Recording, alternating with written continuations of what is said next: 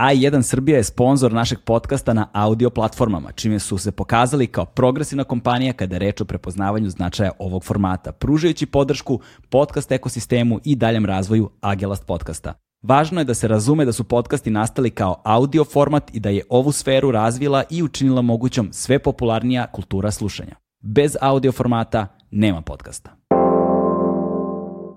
Legend Worldwide je domaći modni brend prepoznatljiv po džinsu i stilu, fokusiranom na stvaranje smirenog dizajna sa prizvukom modernog nasuprot bezuslovnom praćenju modnih trendova. A sada želim da predstavim svoju sledeću gošću, odnosno gošću za ovu epizodu.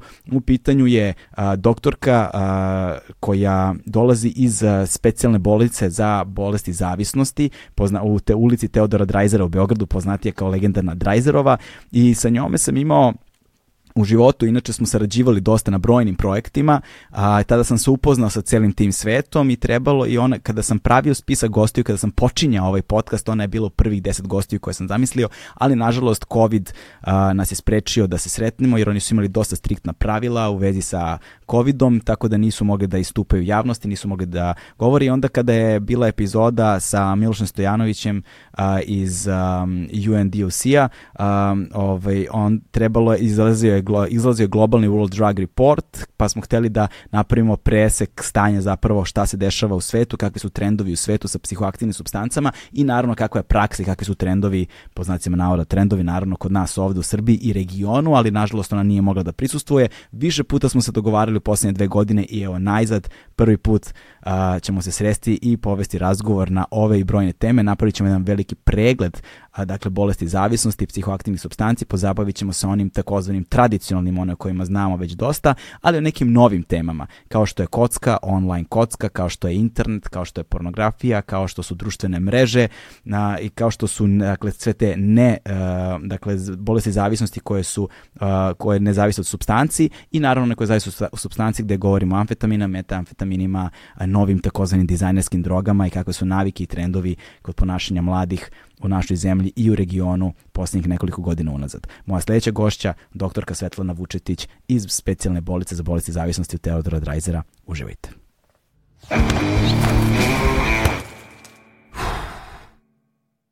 Hmm.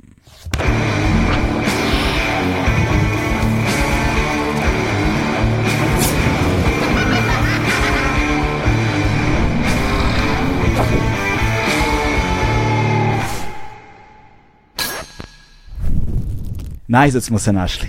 A? Izgleda, konačno. Posle dve i nešto godine. Jeste, da, u početku, još kada smo počinjali ovaj podcast, ovaj, na spisku prvih gostiju ste bili vi. Znaš, a vi i trebalo je zajedno da budete sa Milošem Stojanovićem, Jest. tako? Kada je izlazio World Drug Report uh, za UN, UNDOC, ili tako, Jest. da? Ovaj, ali je COVID tada...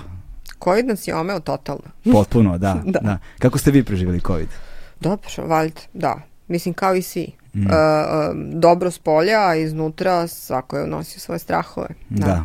Da. A institucionalno, mislim, u bolnici? Institucionalno dobro, dali smo ozbiljan doprinos, mislim, COVID bolnicama u vidu zaposlenih i puno naših lekara i sestara pogotovo je bila angažovano do nedavno mm. i to je jedno specifično iskustvo, iskreno rečeno. Da. Nikom ne bih poželjala. Na koji način specifično?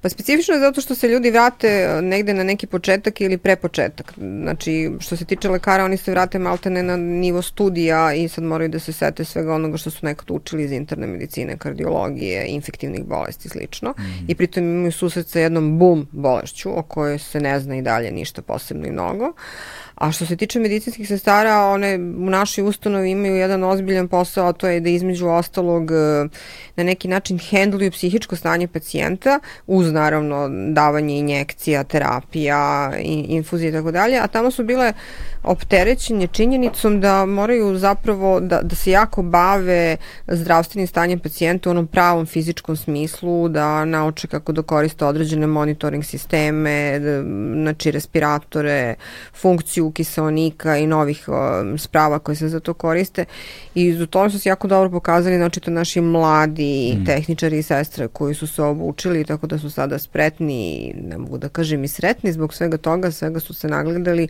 ali su svakako visoko obučeni Mislim, to je dobro i dobro su se pokazali, bili su vrlo traženi u COVID bolnicama da se vrate. Uh, ali mi smo zbog toga morali da reorganizujemo rad i to specifično da radimo i da naši pacijenti ni na koji način ne trpe i nisu da. trpeli, ali je to znači posao u nekim potpuno drugačijim uslovima, smenama i dobro. Ne, zašto kriti? Svi su bili preplavljeni nekom vrstom straha. Mi i danas imamo to, strah od nepoznatog je najgori mogući strah. Mm. Kažu, psihijatri se dobro nose sa tim samo pod uslovom da ovaj, u tom trenutku su uzeli nešto. Ja.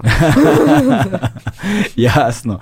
Ovaj, ali evo sada brojke nekako u senci ili barem niko ne izveštava ponovo rastu, sve veći broj zaraženih iznova evo ja baš čujem svaki dan za neke prijatelje tu i krećem se u vrlo uskim krugovima da je ono, naš pitanje sada i rizični kontakata i svega, ali nekako se tome ne pridaje, barem u javnom prostoru znači na koji, na način na koji se to radilo do skoro. Da li da budemo bolni iskreni, zašto je to tako? Da, da, da. da budemo bolni iskreni. Ekonomija je odlučila da medicini zalupi vrata. Mm. Meni se čini, mada je danas izašla Svetska zdravstvena organizacija sa podatkom da preko 50% novih slučajeva korone su u Evropi, pa da bi evropljani trebali valjda plitko da se zamisle, prestanu da putuju na već prezauzetim aerodromima i svrte se kod kuće i po mogućstvu stave maske kad izlaze u neke mm. rizične kontakte, što evropljani naravno neće uraditi. Da. Ali sa druge strane čini mi se da nikad više seme možda velikih zemalja kao što je Kina i kažemo striktnih zemalja kao što su oni neće sprovasti tu vrstu kampanja jesmo se negde izračunali da stanovništvo izgleda ima dovoljno i da COVID bolnica i čitavog tog sistema ima dovoljno, ali da to sve zajedno košta i da moramo da nađemo balans, da živimo sa virusom kao što on živi sa nama, da ne kažemo u nama. Da. Koliko će to da nas košta i na koji način, i na da. koji način ja se samo bojim komplikacija long covid i post covid koji su prisutne i o kojima mi dalje znamo vrlo malo i pokušavamo da saznamo nešto malo više i to je jedan od prvih virusa koji tako uspešno napada srce, mozak i bubrege, što nije baš tipično za većinu virusa pa se svi pribojavamo toga da je negde on pomalo ovaj, skrenut od prirode na onu drugu stranu. Uh, ali ajde da budemo optimisti, mislim, mm. možda se malo lakše diše, verovatno, kažu da je za špansku groznicu ili najobičniju influencu bilo potrebno preko 100 godina da nastavimo da živimo sa gripom.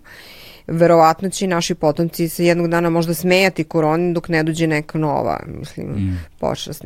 Mislim da smo mi neozbiljna planeta, kratko da, rečeno. Da, ta, te epidemije, u ovom slučaju zaista pandemija, uh, je nešto što se otprilike na svaki stotinu godina pojavljuje. Da. Razlika je samo što mi u današnje vreme živimo globalno. Na zato žalost. jeste pandemija. Zato jeste. što jedan avionski let je dovoljan i ode na drugi kontinent. Ode na drugi kontinent. Znači tako ide iz engleski, taj da, da, da, da. let. Da. Nije, nije lokalizovano ni na koji način ne. i to je ono što preti zapravo civilizacijski, ali vidjet ćemo kako će ta stvar da se razvija.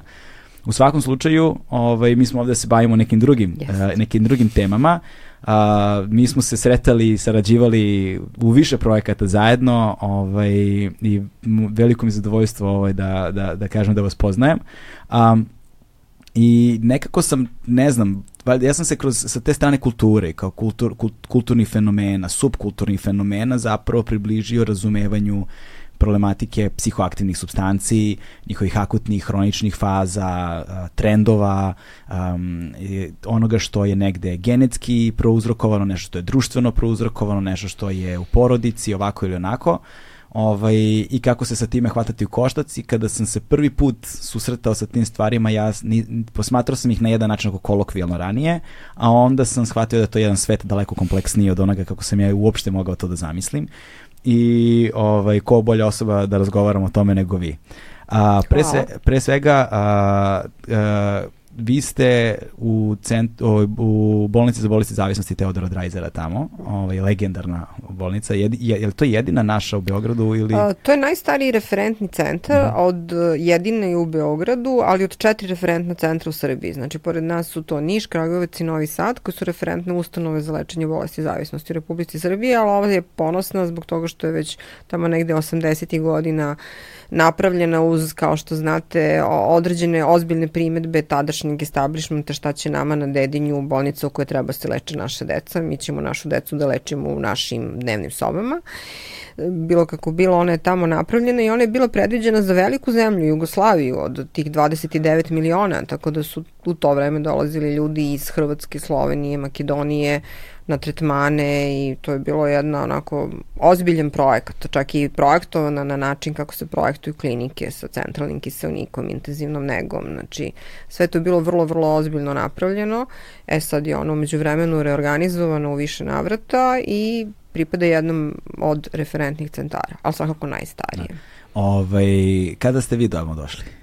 Wow, ja sam došla tamo 93. godine po nekoj užasnoj zimi. 93. godine. godine, da. Wow. Ja sam tamo nepristojno dugo, ali kad tamo radim, jedina privilegija je da radim u najlepšem delu Beograda, jel, na da. Dedinju, što je ipak ovaj elitizam. 30, 30 godina. 30 godina radim gore i ovaj, skoro 30, 93. pa da, mm. evo i ovaj, uz te sve slatke, simpatične ambasade i onaj narod koji tamo živi, ovi, eto nas na tom istom mestu na braniku otadžbine, da se borimo protiv nečega što jeste ozbiljna i hronična bolest u svim zemljama, pa i u našoj. Mm. Ove, ovaj, a vi ste po zvanju, šta ste? Ja sam po zvanju o, čist neurolog, što bi rekli moje kolege, mm. za razliku od onih koji su pre toga bili neuropsihijatri, a pritom sam i specijalista za bolesti zavisnosti. Ok. A vaša, vaša uloga u bolnici je? A, moja pozicija trenutno je posle nekih skoro 30 godina boravka na intenzivnoj nezi i u više navrata vođenja tih odeljenja intenzivne i poluintenzivne nege. Konačno sam uspela da otplivam na drugi sprat i na tom drugom spratu sada vodim takozvanu dnevnu detoksikacijonu bolnicu i to je trenutno moja pozicija. Ovaj, e sada, odakle je najbolje da počnemo zapravo uh, priču o bolesti zavisnosti? Koja bi nam bila recimo najbolja polazna tačka? S obzirom na to da bih volio da pričamo na primjer i o tome kakvi su trendovi bili nekada, kakvi su mm -hmm. danas, uh, ono što ljudi pretpostavljaju da jeste zapravo više nije, ono što jeste, jeste na jedan čudan način. Ovaj, I sa onim stvarima koje su savremene boljke, koje su negde nužnost digitalnog doba, da kažemo, ali hajde da negde počnemo prvo sa, sa onim tradicionalno stvarima po kojima su tradicionalno poznate, poznate, poznate poznata bolnica za bolesti zavisnosti, a, a to su opijati. Ovaj, pre, pre, pre svega prvo i ono je uvek bilo poznato po heroinskim zavisnicima. Da.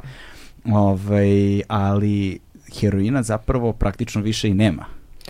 Pa, mislim, oni koji ga uzimaju su duboko ubeđeni da uzimaju heroin, ali evo, pričali smo pre ovog našeg mm. zvaničnog snimanja da je procenat zapravo heroina u zvaničnom uličnom heroinu između 1 i 1,5%.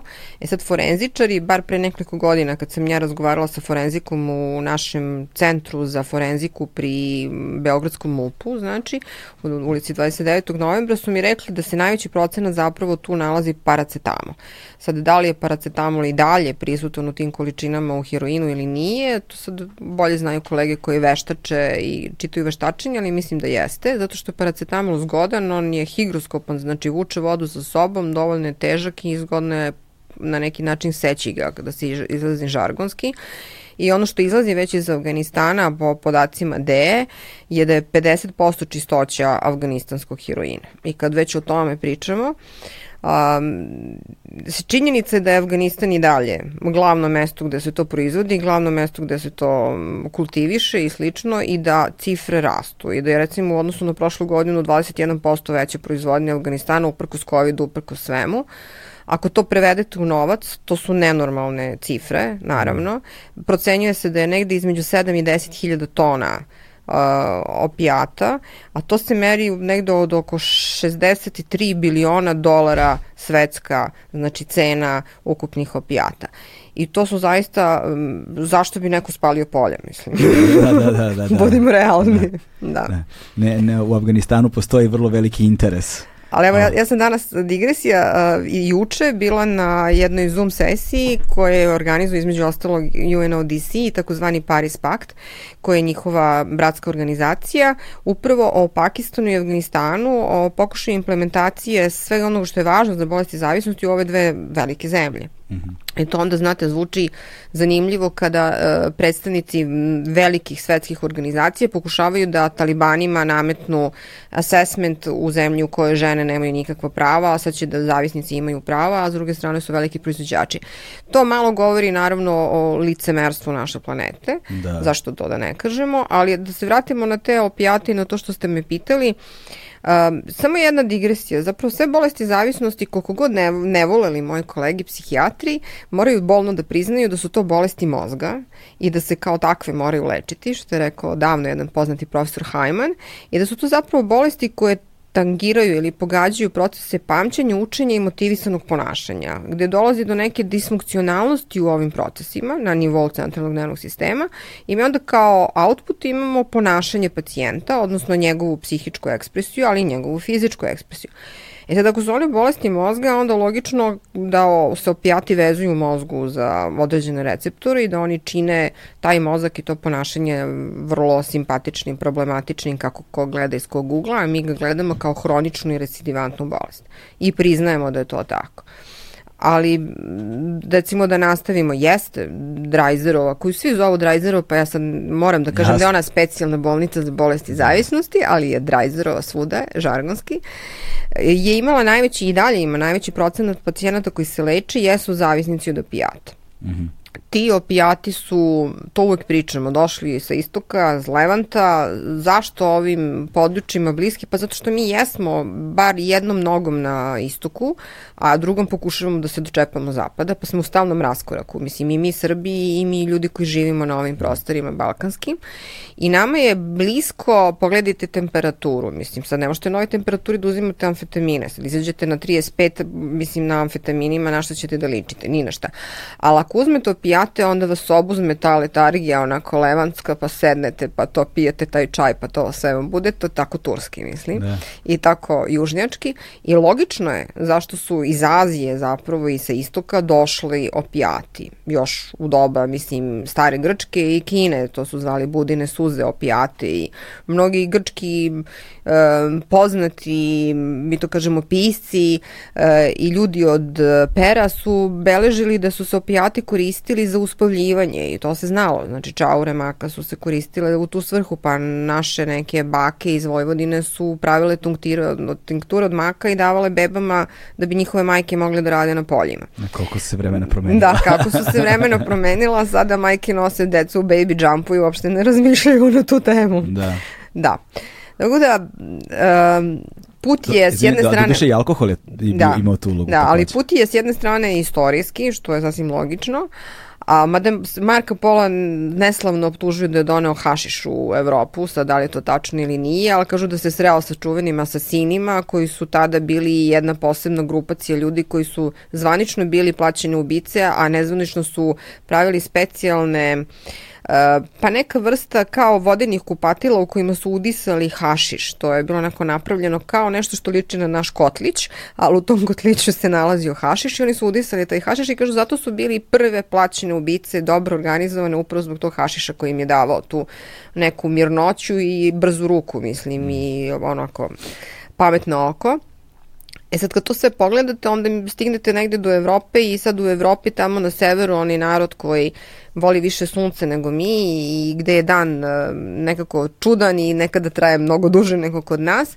Naravno da su konzumirali substance koje su im bile potrebne da podignu njihovo raspoloženje, a to su zapravo stimulansi. Mm. Sad, Hitlerove trupe su optuživali da su koristili amfetamine, da li je sad to istina ili nije, ne znamo, ali zvanično u svaki rat su išli s jedne strane opijati, to je činjenica. Naprimer, uz prvi svetski rat su, je išao heroin. I heroin je izmišljen od strane velike Bayer kompanije. Zašto da ne kažemo ime, pošto neće da nam plati reklamu danas.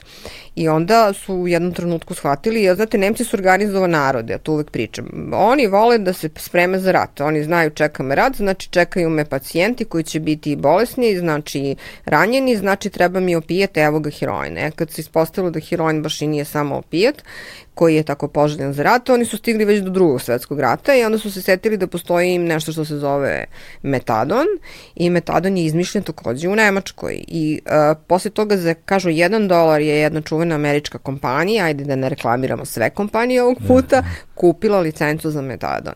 Tako da... Nema veze, koja kompanija kupila licencu za metadon? Mm, neću da vam kažem, ali mnogo je velika. Ozbiljno je velika, da, da. Dobro. Nećemo, samo kad nam uplate, onda ćemo, A, okay, da, da. Dobro, Ipak dobro. da budemo mi onako, znate, kažu da farmaceutska industrija užasno dobro zarađuje. Možda i mi zaradimo nešto da. od njih, ali jedno od najpoznatijih. Mislim, ajde reći ćemo, Lili. Da, okej. Okay. A, oni su kupili. Mm -hmm. mm, okej. Okay. Da. Prema tome, uh, Zapad gore, čekajući bolje raspoloženje, kažu, je tradicionalno konzumirao stimulanse. Odatle idu amfetamini, ekstazi i iako su to opet izmišljene kao substance koje su se recimo davale kod ljudi koji su imali poremeći raspoloženja. Znači, ideja je bila dobra. Kao i danas novo dizajnirane droge, a među njima novo dizajnirani opijati, pa se često pominje jedan lek koji se zove fentanil, koji je vrlo star, a koji se zapravo koristi kod pacijenata za anesteziju, pošto je on oko 100 puta moćniji od heroina i sad razna njegova mlađa i starija braća, od kojih se jedan koristi, mislim, za recimo uspavljivanje slonova. A1 je prvi prijatelj audio izdanja Agelast podcasta. Tako da je recimo porasla, uh, to je zanimljiv podatak, u Sjednjim američkim državama je potrošnja heroina porasla za 70% u neopijatske, to su u neopijatske svrhe, odnosno to nisu zavisnici od opijata, već su to e, lekari propisivali opijate za vrlo različite oboljenja, u smislu toga da recimo ima bolavu kičmi i slično, tako da je taj porast bio enorman. Onda su se pojavile enormne smrti iza toga i onda se pojavio znači, jedan talas novih opijata koji je došao opet, nažalost, sa istoka, mislim, a ovog puta iz jedne velike države, jedne od najvećih na tom kontinentu, svakako. I ta najveća država koja ume da sve napravi, sve što vidi napravi, i njeni ilegalne laboratorije, znači Kina, su napravili novo dizajnirane opijate po recepturama koje mi već znamo i sada je crno tržište koje tokom COVID-a bilo onako božanstveno snabdevano, preplavilo pre svega Sjedinje američke države, ali donekli i Evropu i mi imamo jednu ozbiljnu smrtnost u Sjedinje američke. Preko 138.000 smrtnih slučajeva je bilo zabeleženo prošle godine zbog upotrebe opijata. A mislim, generalno kad pričamo uopšte o bolestima zavisnosti, svaka četvrta smrt u svetu globalno, kad sve saberete, gledano sociološki i uzrokovana nekom vrstom zavisnosti. Pa da, svi ovi po, sve ove poznate ličnosti koje su umrle nekol, poslednjih nekoliko godina su mahom bile zašto je bilo fentanila da. u nje od prinsa I, do ne znam jeste, koga. I sad, da. ta, jeste, i sad taj fentanil koji mi smo vrlo zahvalno davali, ja imam koleginicu koja je operisala neku, imala je stomatološku intervenciju pre mnogo godina, dali su je fentanil anesteziju, rekla bože kako je to dobro, jel možemo da se ponovi? Da. Međutim, ovaj, kod nas se fentanil isto tako daje u određenim kontrolisanim uslovima, ali ovaj ilegalni koji je napravljen u Aziji i koji preplavljuje tržišta jeste nešto što je zaista vrlo opasno. Pre svega što što mi kao kliničari moramo da damo ne jednu ampulu antidota, nego tri ili četiri i to treba da prepoznamo. I ono što je možda najteže, sem našeg referentnog centra na Vojno-medicinskoj akademiji, dokazivanje fentanila nije tako lako, jer ti standardni testovi koje mi koristimo za dokazivanje ne mogu da ga pokriju i da ga otkriju, što otežava stvar svim drugima, a naročito onima koji to koriste, daje mogućnost da kažu svojim roditeljima da ne uzimaju ništa, da mu urade detekciju, ne mu urade detekciju, ne uzima ništa, u stvari uzima fentanil. Tako da mi otvaramo sociološki neke ozbiljne probleme sa novim opijatima. Znači da odgovorim na vaše da. pitanje da, da li su se opijati povukli, ne, oni su se povukli zvanično, znači negde oko E, sve zajedno oko 61 milion, rekla sam, ljudi konzumira opijate u svetu prema podacima UNODC-a, od toga 31 milion su samo useri, što bi mi rekli, znači ljudi koji zaista regu, regularno konzumiraju opijate, a 31 milion su ne useri. Znači to je jedan ogroman korpus stanovništva koje konzumira opijate, niko ne zna zapravo zbog čega. Jatrogenizovano, što bi mi rekli. Do... Šta znači ne useri, to su oni koji nisu korisnici? Da, oni koji nisu korisnici. Šta to znači? To znači da, da je čovjek, kažem vam, imao recimo lumbu i šijalgiju i da dođe i da dobije oksikodein aha, od lekara aha, i da se polako pretvori onda posle toga u doktora Hausa, mislim. Jasno, jasno. A onda oni zaista postanu zavisnici jer oni imaju potrebu da to konzumiraju i onda da. izmišljaju kao i svi drugi zavisnici sve moguće i nemoguće bolesti, tegobe, Bol ne možete da dokažete. To je jedan sjajan simptom za većinu pacijenata vrlo traumatičan, ali za zavisnike fantastičan adut, to je kec. Znači, svako može da kaže da ima bol, sad vi dokažite da ga on nema. To je da. nemoguće. Da, to je zanimljivo. Nisam nikad razmišljao o bolu na taj način, kao nečemu što ima vrlo snažnu manifestaciju, da. ali ga je veoma teško dokazati. Veoma. Odnosno, ne znam da li moguće uopšte. Pa postoje neke takozvane skale bola koje su uglavnom opet objektivne, navodno, zato što vi pokušavate pritisnete ili elektrostimulacijom izazivate neku vrstu bola, pa onda vam on kaže ili vi možete da odredite po nekom kako bismo rekli, ekspresiji pacijenta, da li ga to stvarno boli ili ne. Da, Ali da. mi svi znamo da, mislim, svako ko je osetio bilo kad bilo koji bol u životu, pa može da ga imitira vrlo uspešno ako želi. Jel? Da, da, ali s druge strane je i senzacija bola, pretpostavljam, duboko subjektivna stvar. Jest. I onda dobit ćeš od 10 ljudi 10 različitih... Da, zato što nemamo isti prag bola. Da, ne, ne, postoji, ne postoji nekakva ono referentna vrednost za Jest. mernu jedinicu Jest. bola. Kao, da, da. nisam razmišljao o tome na taj način. Sad pomenuli ste još dve stvari, jedna je metadon, Ovaj, e sad, e, ja ga kolokvijalno znam kao zamenu za heroin, ko, kao metadonsku terapiju. Kao, kao terapiju, kao, da. kao terapiju, ali ne znam šta je zapravo. Metadon je lek, mm -hmm. mislim generalno, koji je potpuno sintetski napravljen i metadon je zapravo, sem ako, ako sklonimo sad Nemce i njihovu ideju o ratovanju, on je za, sada zauzeo jedno mesto posle njih koliko, znači od drugog svetskog rata, preko 70-80 godina, jel? Mm. Kao preparat koji je najviše davan, odnosno ordiniran kao substituent za pacijente koji su zavisnici od opijata. Um, I on je to neslovno mesto sada donekle podelio ili ustupio sa buprenorfinom koji je izmišljen 70. godina, koji je njegov mlađi brat mm -hmm. i koji je, mi to zovemo isto semisintetski proizvod, znači preparat koji je napravljen da deluje poput opijata, ali on ima dualno dejstvo. On može do određene doze da deluje, kako mi to kažemo, kao antagonista, a posle toga deluje kao agonista, što je dobra stvar. Ono što je dobro takođe za buprenorfin, to je da je on tako dizajniran da ne može, gotovo da uopšte ne može da izazove smrtni ishod, za razliku mm. od metadona, koji to može, jer je on vrlo jak depresor centralnog nervnog sistema i znači predoziranja metadonom su moguće, znači tako se uzima intravenski, mislim. Da. A, tako da mi kao i sve druge zemlje na svetu, imamo taj standard da se pacijenti, kad je to potrebno i neophodno, uključuju na substitucijonu terapiju. Sad bi neko pitao što ne uključujete zavisnik od alkohola, što ste tako pametni. Da. da. Ali ovo jeste standard i taj standard između ostalog naravno povlači ljude sa ulice u sistem, što je važno.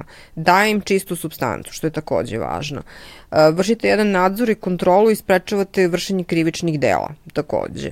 Smanjuje se broj akcidenata, saobraćenih udesa, naselja u porodici, znači sve to naravno sa substitucijnom terapijom pada, ali ono što raste to je crno tržište. I da. to je u svim zemljama. I to crno tržište je uh, Nezahvalno, naravno. Mm. I ono, ono je na neki način prouzrukovano činjenicom da ste vi uzeli jedan legalan opijat i da ste ga dali legalno pacijentima koji će isto tako vrlo ilegalno da ga prodaju na ulici i da možda pola popiju i koriste, a pola će da prodaju ili će tako da prave razne kombinacije kako već. Naravno ja ne generalizujem, to je jedan broj ljudi i u svim zemljama to tako postoji, pa se onda medicinski stručnjaci organizacijno dovijaju kako da to spreče a policija kako da tome stane na put, a sudstvo da to naravno procesuira. Da, i, sve, i svi svetovi koji se nalaze između, ta, izme, između toga, zato što kamo lepe sreće da su sve te instance negde fair i poštene onako kako bi da. trebalo da su na papiru. A, druga stvar koja je pomenuta jeste zapravo ta a, a, epidemija, opioidna epidemija, jel te, u Sjednjim američkim državama, koja je krenula zapravo kroz tržište medikamenata, da. Painkillera tih da. lekova protiv bolova i to je nešto što mislim da već svi jako dobro znaju.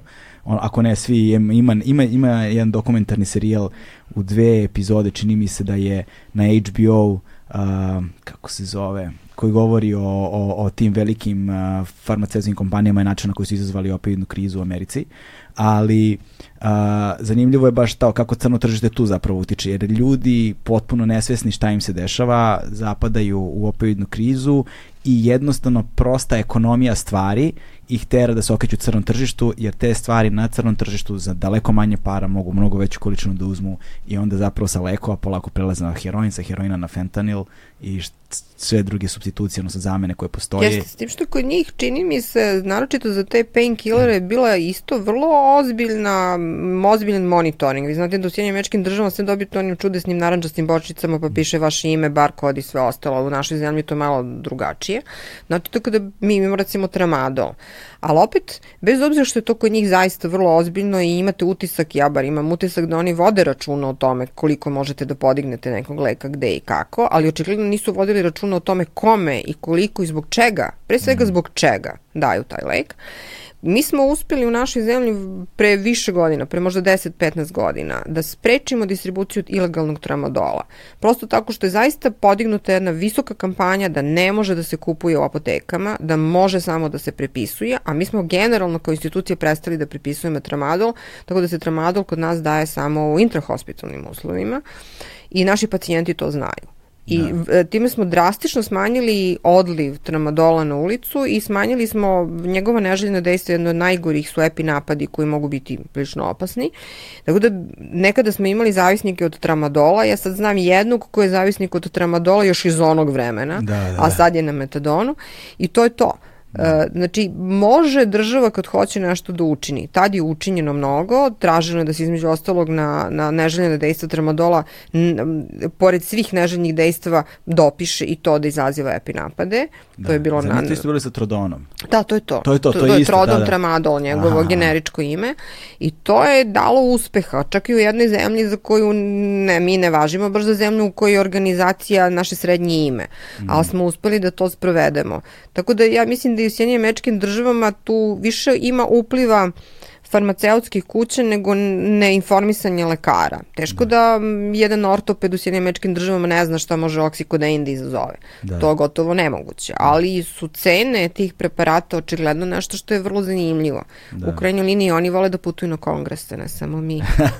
Između ostalog. E sada, kako su se trendovi menjali? Ok, jasno nam je da se sad dešava ta neka nova opioidna, opioidna kriza kroz Sjedinje američke države i da su sad tu neki novi trendovi i među subkulturama, među mladim kulturama posebno se primećuje takođe sada ta neka možemo da nazovemo politoksikomanija, gde sad yes. koriste se ono te tablete i sad i painkilleri i, za, i ono anksiolitici i šta ti ja znam ti za spuštanje i ovo i ono u kombinaciji sa uh, stimulansima razno raznim. Da li su to MDMA, da li je to ekstazi, da li je to neka variacija svega toga.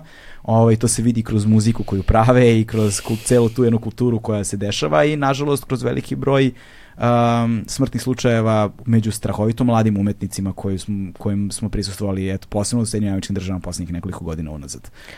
Da, pa jeste, ovaj, činjenica da je recimo porast amfetamina, mislim da je ovaj, UNODC izašao sa izveštajem da je u Africi za, između dve godine, prošle i pretprošle godine, porastao potrošnja amfetamina za 31%, mm. što ne znam gde Afriku svrstava u toj priči i kako baš to stiglo do Afrike, ali to je prosto neki njihov podatak.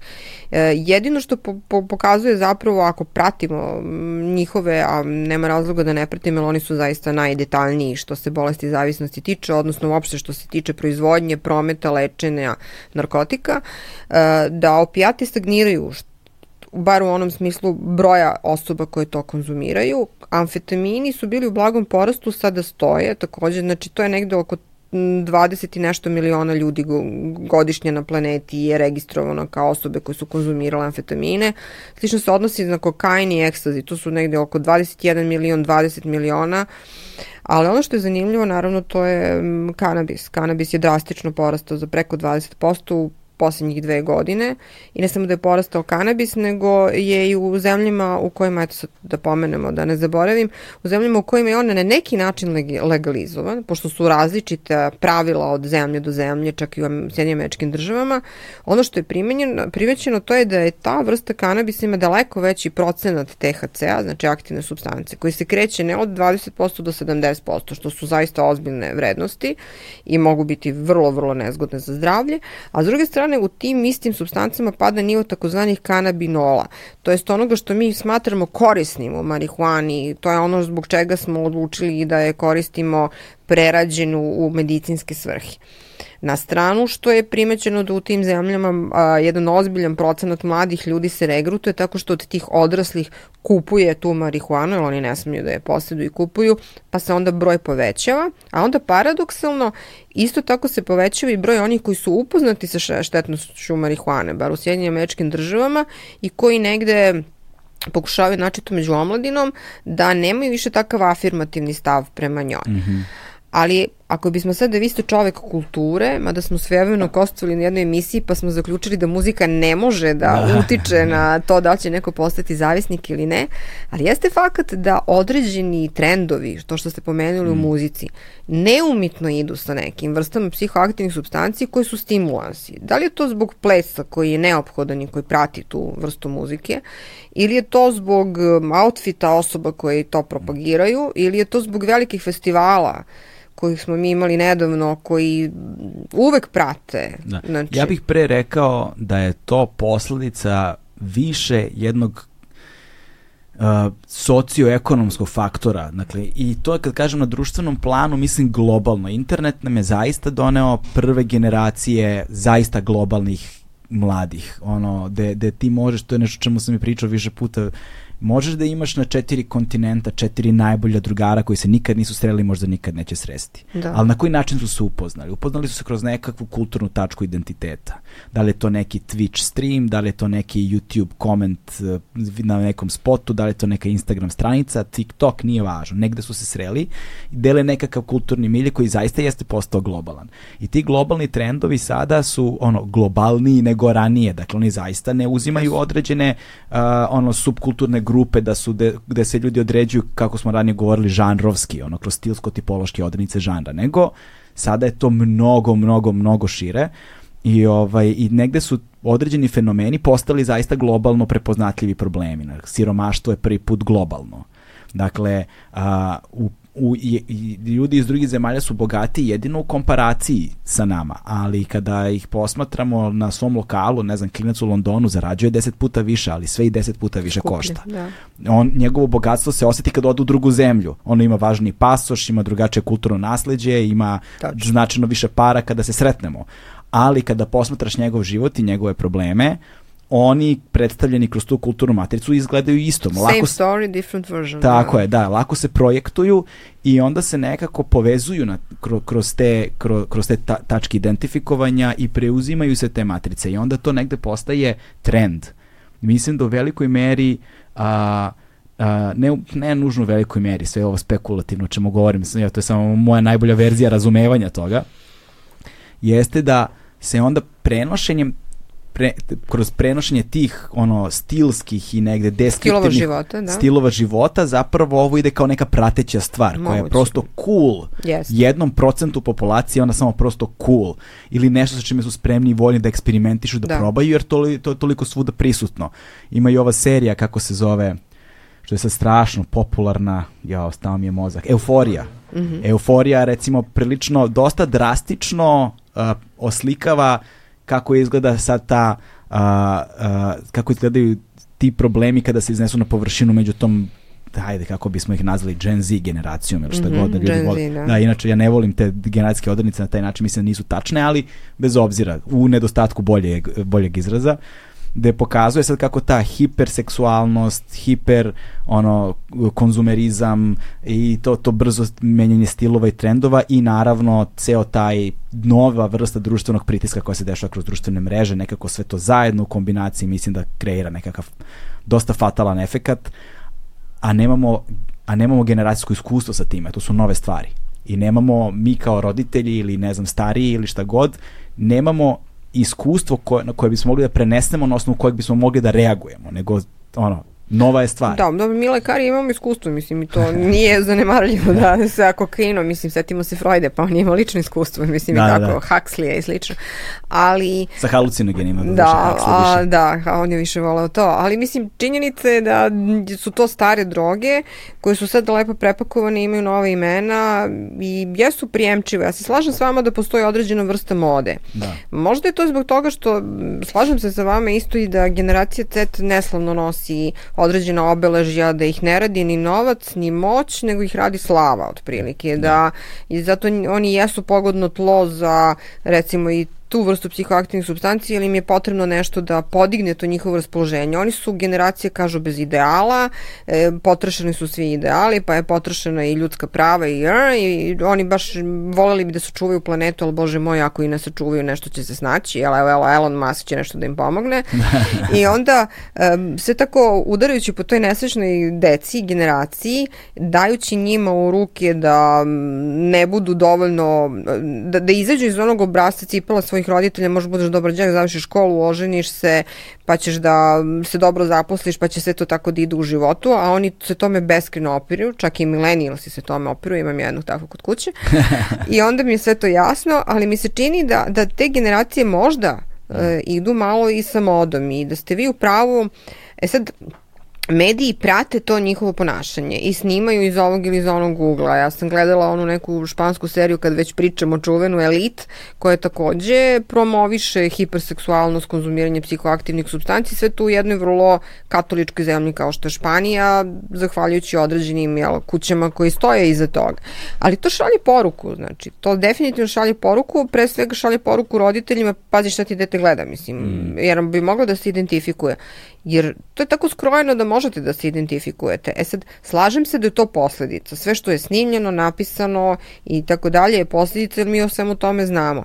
Da li postoji moda u uzimanju droga? Da. Da se vratimo na neki početak vaše priče. Da li je svojevremeno sa hipi pokretom bila moda da se uzima marihuana i halucinatorne droge jeste, pa su onda nekako ih stigli opijati i pobili znatan broj vrlo poznatih i uspešnih ljudi, nama dragih muzičara, od Jim Morrisona pa nadalje. Da. I onda smo na kraju stigli do toga da su amfetamini nekako sa tog severa gde su se i mnogo koristili i proizvodili, gde su se nalazile glavne laboratorije, nehajno spustili do nas, sedite se zarubice i čitave priče i počeli su da se proizvode, a zapravo proizvodnja amfetamina izgleda jeftina i laka. Kao i proizvodnja marihuane. Jedna zgodna kuća u, ne moramo da kažemo sad Ritopeku, može i u Boljevcu, na nekoliko spratova plus dobre lampe da. i dobar, dobar odnos prema elektrodistribuciji koja neće da postavi pitanje zašto toliko trošite, eto vama posla i biznisa. Da, ili kradu sa bandere. Jednostavno. Ili krademo s bandere, sad ko, ko je koliko dovjetljiv da. i koliko hoće da plati elektrodistribuciju i to je to.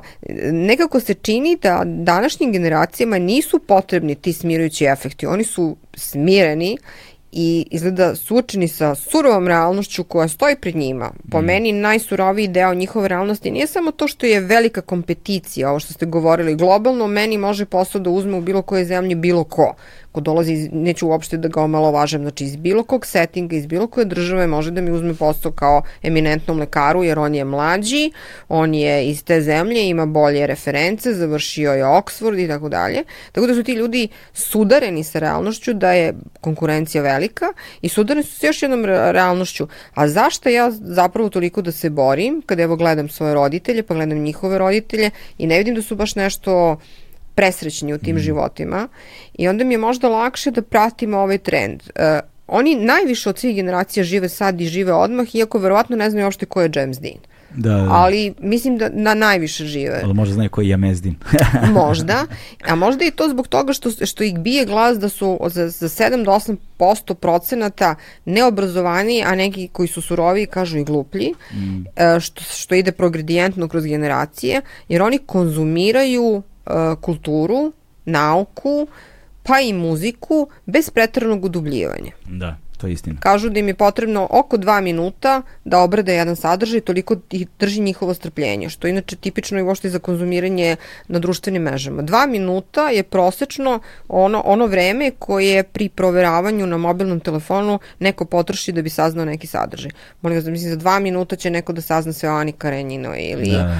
o ne znam Frank Sinatra ili mislim to je e, vrlo je svedeno sve. Mm. Baš je svedeno i vrlo je jednako i vrlo je unipolarno da je to prosto bolno i onda mi se nekada čini da je njihovo konzumiranje tih psihoaktivnih substanci ne ide samo iz sličnosti, nego iz pokušaja različitosti, odnosno glavna uloga je tih substanci jeste da promenite svoje unutrašnje stanje ili da osetite nešto što do sada niste osetili. Malo se priča o romantičnim ljubavima, o ne znam, nekim zanimljivim sportovima koji proizvode adrenalin kao što je, ne znam, eksperimentisanje na skijama, vožnje nekih e, mountain bajkova i tako da. Vi to nećete čuti od te generacije. Ta generacija ima nepristojno dugačke prste od pritiskanja mobilnog telefona, nema iluzija, zna najčešće da im se najverovatnije ništa neće desiti ako progutaju jedan do dva ekstazija i odu na neku žurku i čujem da je sada trend, kad smo već kod toga, da na žurku odete u haljini koju ste kupili nedavno, nećemo da kažemo kojoj robnoj kući, nosit ćete to već i sutra dan ćete vratiti i reći da ima grešku i da vam se ne sviđa i uzet ćete mm. svoje pare nazad.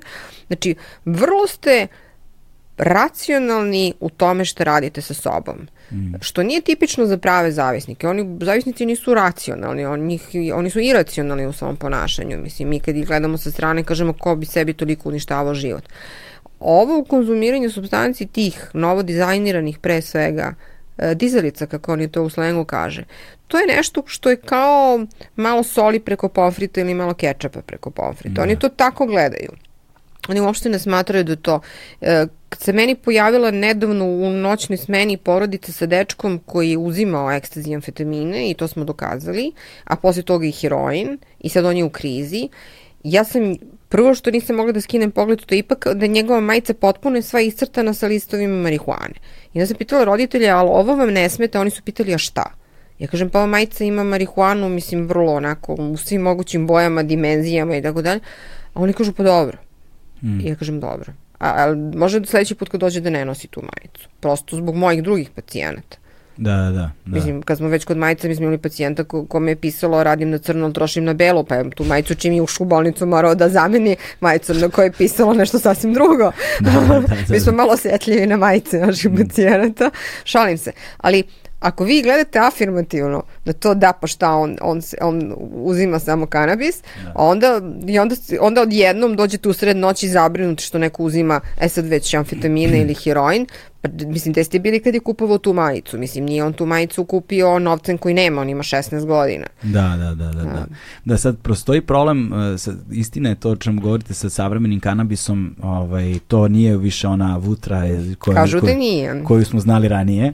Ovaj, to je nešto sasvim drugačije i da, zaista sad ih prave da ima što veći procenat THC-a, što manje udeo ono CBD-a ili Jest. čega god, CBG-a i to, da, da i onda nema ni to anksiolit anksiolitičko dejstvo više uopšte, nego ono, čak ti pojača i paranoju i anksioznost i sve. Ako se to nalazi u tebi, ima da ga pojača kako hoćeš. Ovaj, I efekti koji mogu da se osete uopšte nisu naivni. Znači, čak ni za iskusnije korisnike.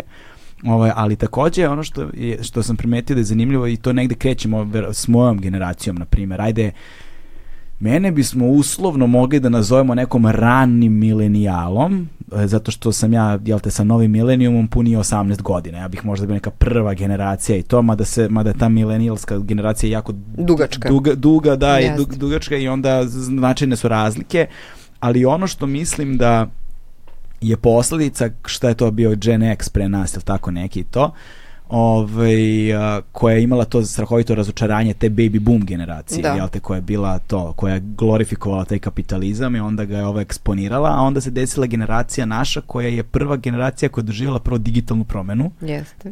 dakle, u sred našeg odrastanja s nekih 20 i nešto godina, odjednom sve što si znao može baciš u đubre ovaj, ceo svet se promenio i odjednom su klinci dve, tri godine mlađe od tebe postavili ogromna konkurencija jer ti jednostavno ne može da se takmičiš sa njima.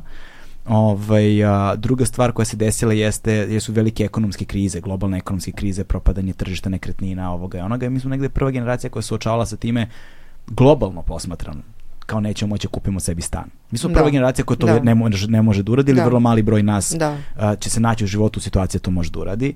A, da li kroz kredite ili ko zna koji način. Uglavnom čekaju da im neki, ro, neki srodnik umre pa da naslede, znaš, to je ovaj to je tragična sudbina. Veliki broj nas ono živi s roditeljima nakon 30 iz sličnih tih socioekonomskih razloga. A, patološki se produbljuju veze, Da. a, a, drugačije, znaš, ne ostvaruješ se, dolazi do pozne adolescencije kroz mnoštvo izbora koje ti digitalno doba donelo, low cost kompanije, ono, Airbnb-evi, šta ti ja znam. I onda se kasnije ljudi odlučuju na životne, konkretne životne odluke, poznija su roditeljstva, teže se ko, o, o, stvaraju ono dublji emocionalni odnosi i tako dalje, svašta nešto se tu dešava. O, ja sad samo ako nabrajam šta mi pada na pamet. I čini mi se da smo negde prva generacija koja je zamenila posjedovanje za iskustvo. Mhm. To što ste rekli kao škola, ne znam, vojska. Vojska, da, o- zaboravili smo o, vojsku. To, ženi se, udaj se, Se. napravi decu, zaposli se i to. Taj Da budeš pristojan čovjek sa kravatom. da, kupi stan, kupi kuću, vikendicu, šta god. Mislim da je to ispalo iz priče Jeste. potpuno i da su se, da se materijalna kultura zamenila kulturom iskustava. Jeste. To, kao da ja sad vidim, da otputujem, da doživim. Jest. I da živim sad, što je, mislim, Tako je. meni je to u, u redu, samo što mi se čini da vaša generacija Mhm. još uvek bila jedna generacija koja je morala, htela ili ne htela, valjda zbog sistema obrazovanja koji je bio prisutan u svim zemljama, Mhm. da bude edukovana iz knjiga, sa nekih, eh, da kažemo, nosača zvuka, Nije bilo Wikipedije kad sam išao u školu. Nije bilo Wikipedije i nije bilo onog, jer možda neko mi napiše maturski Da, i nije, tako da. dalje. A, a onda se sve to pojednostavilo. Prosto sve može tim jednim klikom da se dobije E, I ja ne volim uopšte da kritikujem to, jer to su izmislili ljudi koji su stariji od mene, Mm. mislim, a ja sam nepristojna matura. A sad ti ljudi, iako su jako bogati, oni su odgovorni, oni su to verovatno uradili u najboljim namerama. To što je to na, u nekim segmentima zloupotrebljeno na ovaj ili onaj način, uopšte ne možete za to da optužite novu generaciju koja to sad koristi, koja e, koristi, ja sam videla da vi malo prepalite akvarijum i podešavate svetlo preko telefona. Da, I da. meni je to sasvim normalno. Mislim, da, to je sasvim u redu. To je jedna korisna sprava i to je jedan koristan odnos prema svemu tome. Ali e, problem je u tome što nikog nema da kaže tim mladim ljudima da su zapravo kulturno nepismeni. Da to što su oni čuli za dva minuta, da to nema nikakvu težinu. Da oni nemaju nikakav sadržaj. Problem je u sadržaju. I onda se taj sadržaj, ili kako mi to kažemo, self, koji je onako sav labilan, nikakav jadan, nedovoljno formiran, zbog svih tih socijalnih razloga koje ste vi iznali, um, popunjava čim god. Može čipsom, može Coca-Colom, ali može i nekom substancom. Ljudi se ne viđaju, ali se lajkuju. Mislim, e, a kada se vide, onda sede svi zajedno i gledaju svaku svoj telefon i onda povremeno nešto po... Mislim, problem gradnje nekih zdravih modela ponašanja je na neki način ozbiljno distorzija napravljena, ali tu distorziju malo je potaknulo i nešto što mi zovemo jel sve što je normalno normalno ili je i nešto što je bilo nenormalno a sad postalo normalno, ali to normalno da to bude normalno, mislim, e, bukvalno. Pa jeste ako ste psihijatar. Da, da, da. U ja. stvari, da. Ili da budem užasno brutalna. Pre 30 godina ja sam imala udžbenik u kome je pisalo da je homoseksualizam bolest. Mi imali smo naravno i predavanje o tome kako ćemo to da lečimo. Danas bi to bilo apsolutno bogohulno da to bilo ko kaže i to je u redu, ja to razumem. Ali smo polako se približavamo tome da ne znamo više apsolutno šta je normalno, bez ikakve sad ove asocijacije na homoseksualizam, jer ako je normalno baš sve, baš sve što jeste i taj woke koji dolazi opet iz Sjednjih američkih država preko Britanije zapljuskuje Evropu, gde vi ako niste na tom trendu da podržavate recimo non-binary osobe ili da postavite glupo pitanje koje sam gledala da je jedan vaš kolega u nekom podcastu postavio mnogim ljudima, izvinite šta je za vas žena? I nijedan njegov sagovornik nije mogu da kaže zapravo šta je žena. Jer je- bi onda upao u problem biologije. Da žena je žena jer ima to, te, te hromozome i ima te seksualne karakteristike i ona je žena i sad je to problem. Ali mi sad dolazimo u tu jednu situaciju da su vrlo fundamentalne stvari za koje smo mi mislili da su jasno definisane, nisu uopšte definisane i sad je normalno što nisu definisane.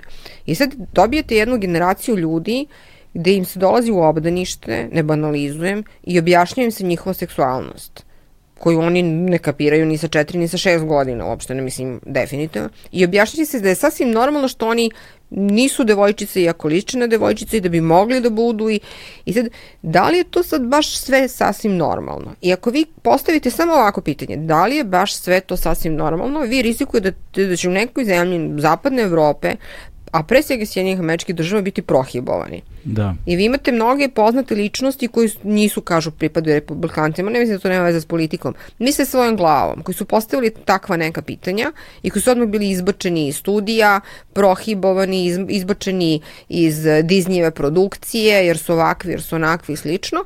A s druge strane imate Kinu, koja kad bira filmove, vrlo će striktno da kaže šta želi u tom filmu i izbacit će određene sekvence i elemente koji se ne sviđaju i svi će da klimaju glavom jer je to jedno ozbiljno tržište.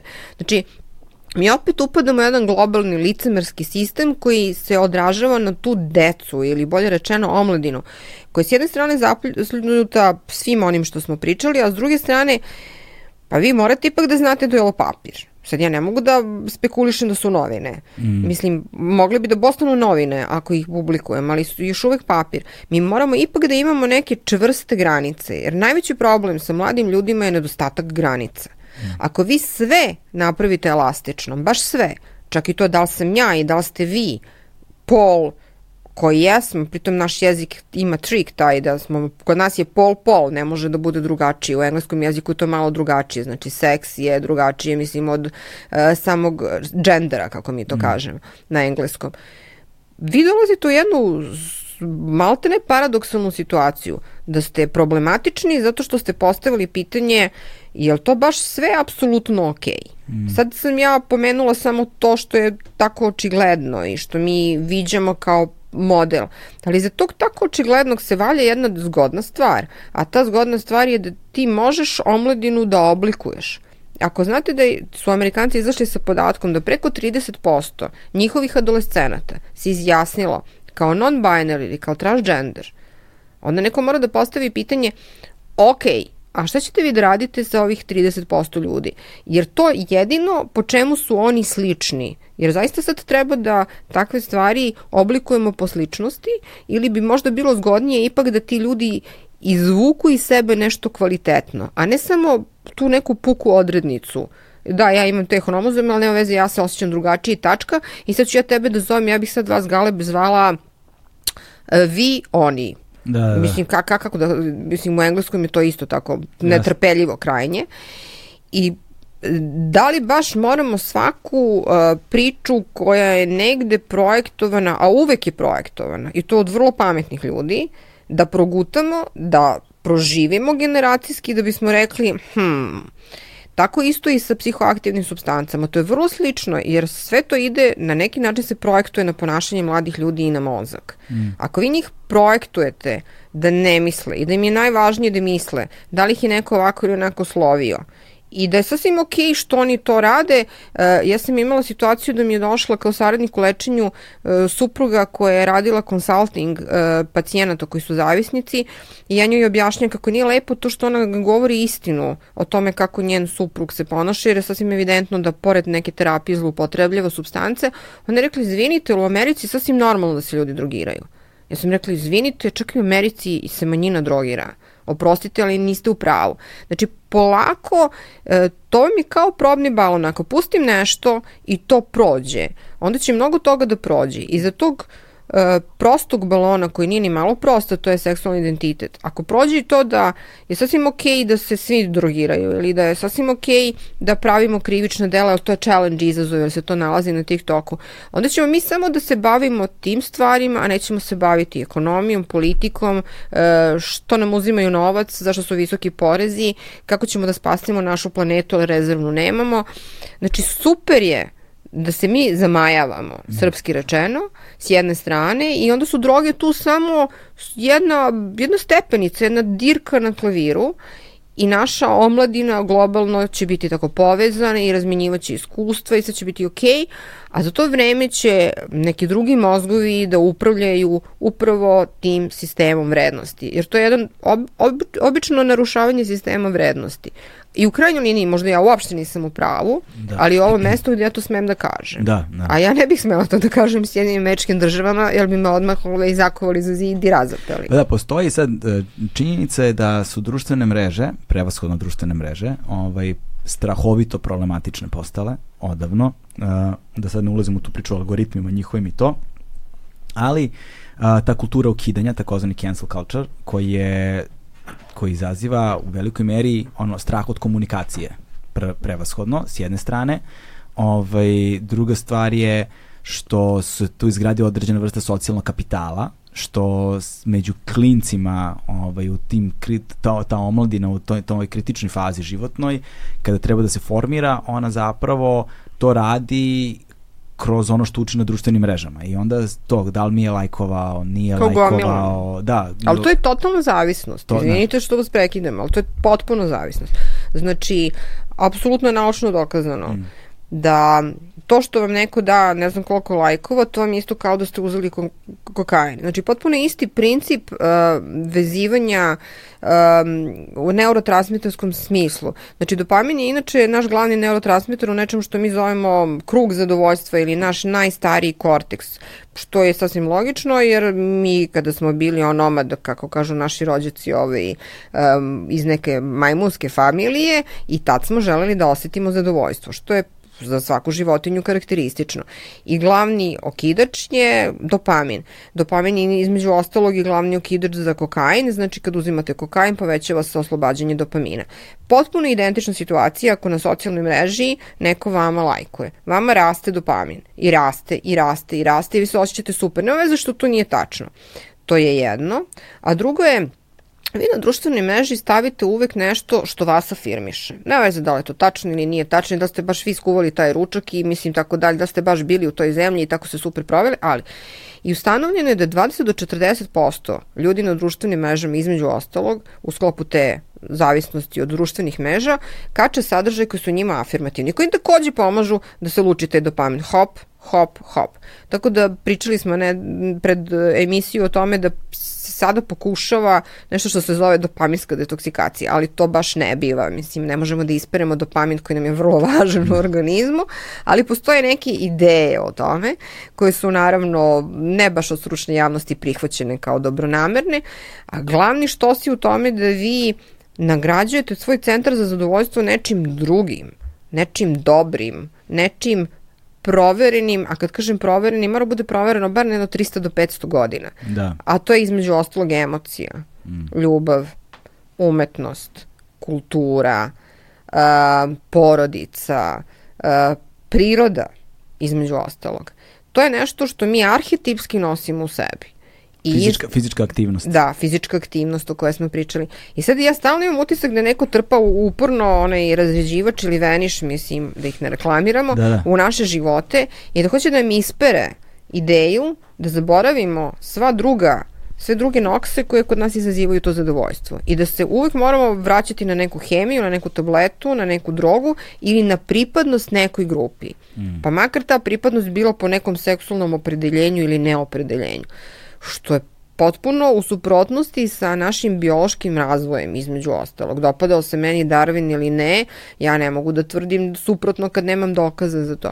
I zato mi se čini da je čitava ova priča o kojoj vi i ja sada pričamo, o novim generacijama, još jedan zanimljiv eksperiment koju ova generacija i mi kao njihovi roditelji, a neki možda i bake i deke, proživljavaju gledajući se i pitajući se s vremena na vreme u čudu dokle će to da ide i šta će iza toga da bude. Mm. I kome ćemo mi sad kao da ostavimo u nasleđe ono što imamo.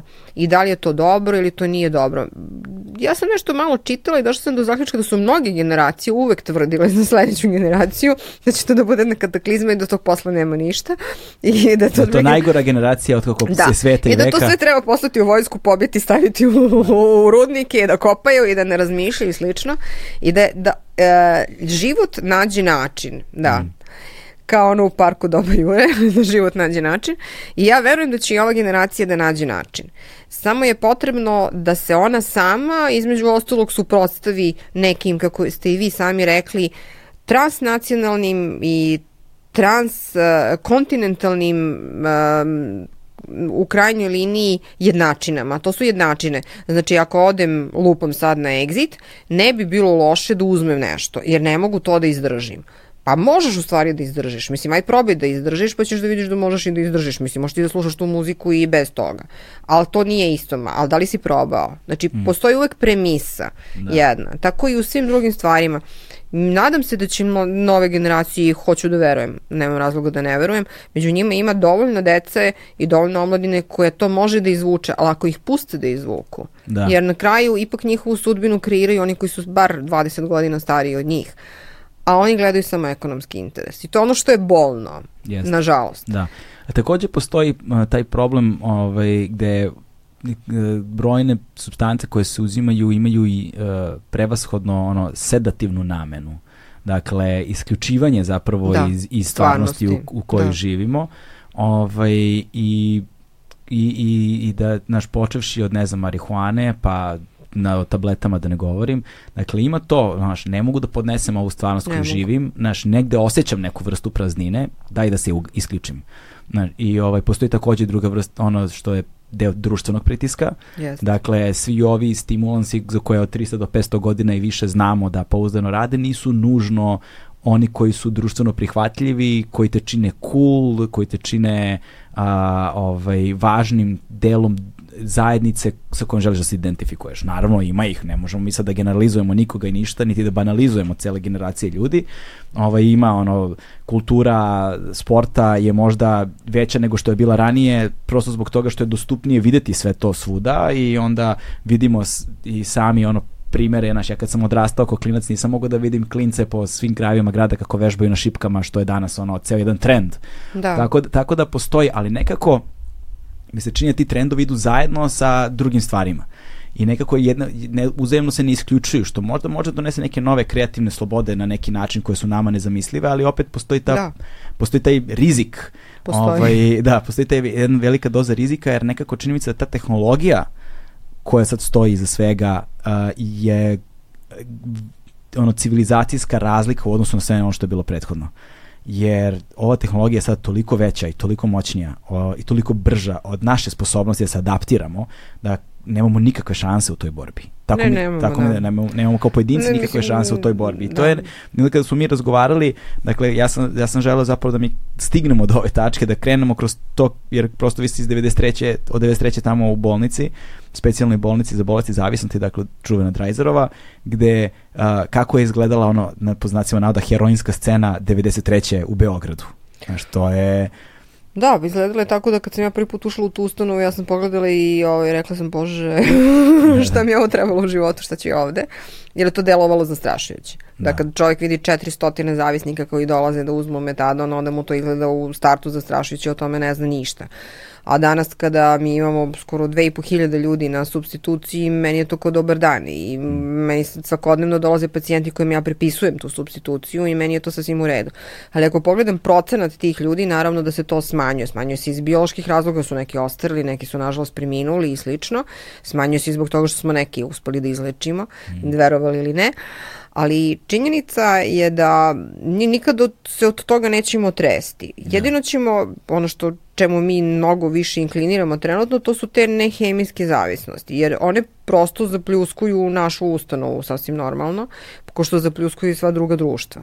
I onda je to nešto što mi moramo da prihvatimo, a one su između ostalog vezane mnogo za tehnološki razvoj i za ovo što vi kažete, čega se ja pribojavam i uvek se setim Morvela, ono, go open the pathway, how? Da, da. No, I can't.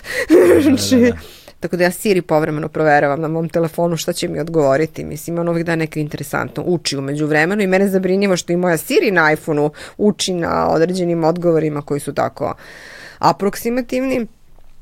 I trebalo bi da imamo kontrolu i poštovanje nad tom veštačkom inteligencijom i da nam se ne bi vratilo kao bumerang. Mm. Mislim da će nove generacije uh, izaći na kraj sa tim, ali sviđa mi se ovo što ste rekli da je recimo treninzi i treniranje, da je to trendi, ali e, i sa tim treninzima mi imamo ljude koji dolaze i koji uzimaju recimo anabolike. Ne tako mnogo, ali uzimaju. Ili pitaju da li mogu uz redovnu terapiju da uzimaju anabolike i razne druge substance i mi smo prilično rezervisani prema svemu tome i slično.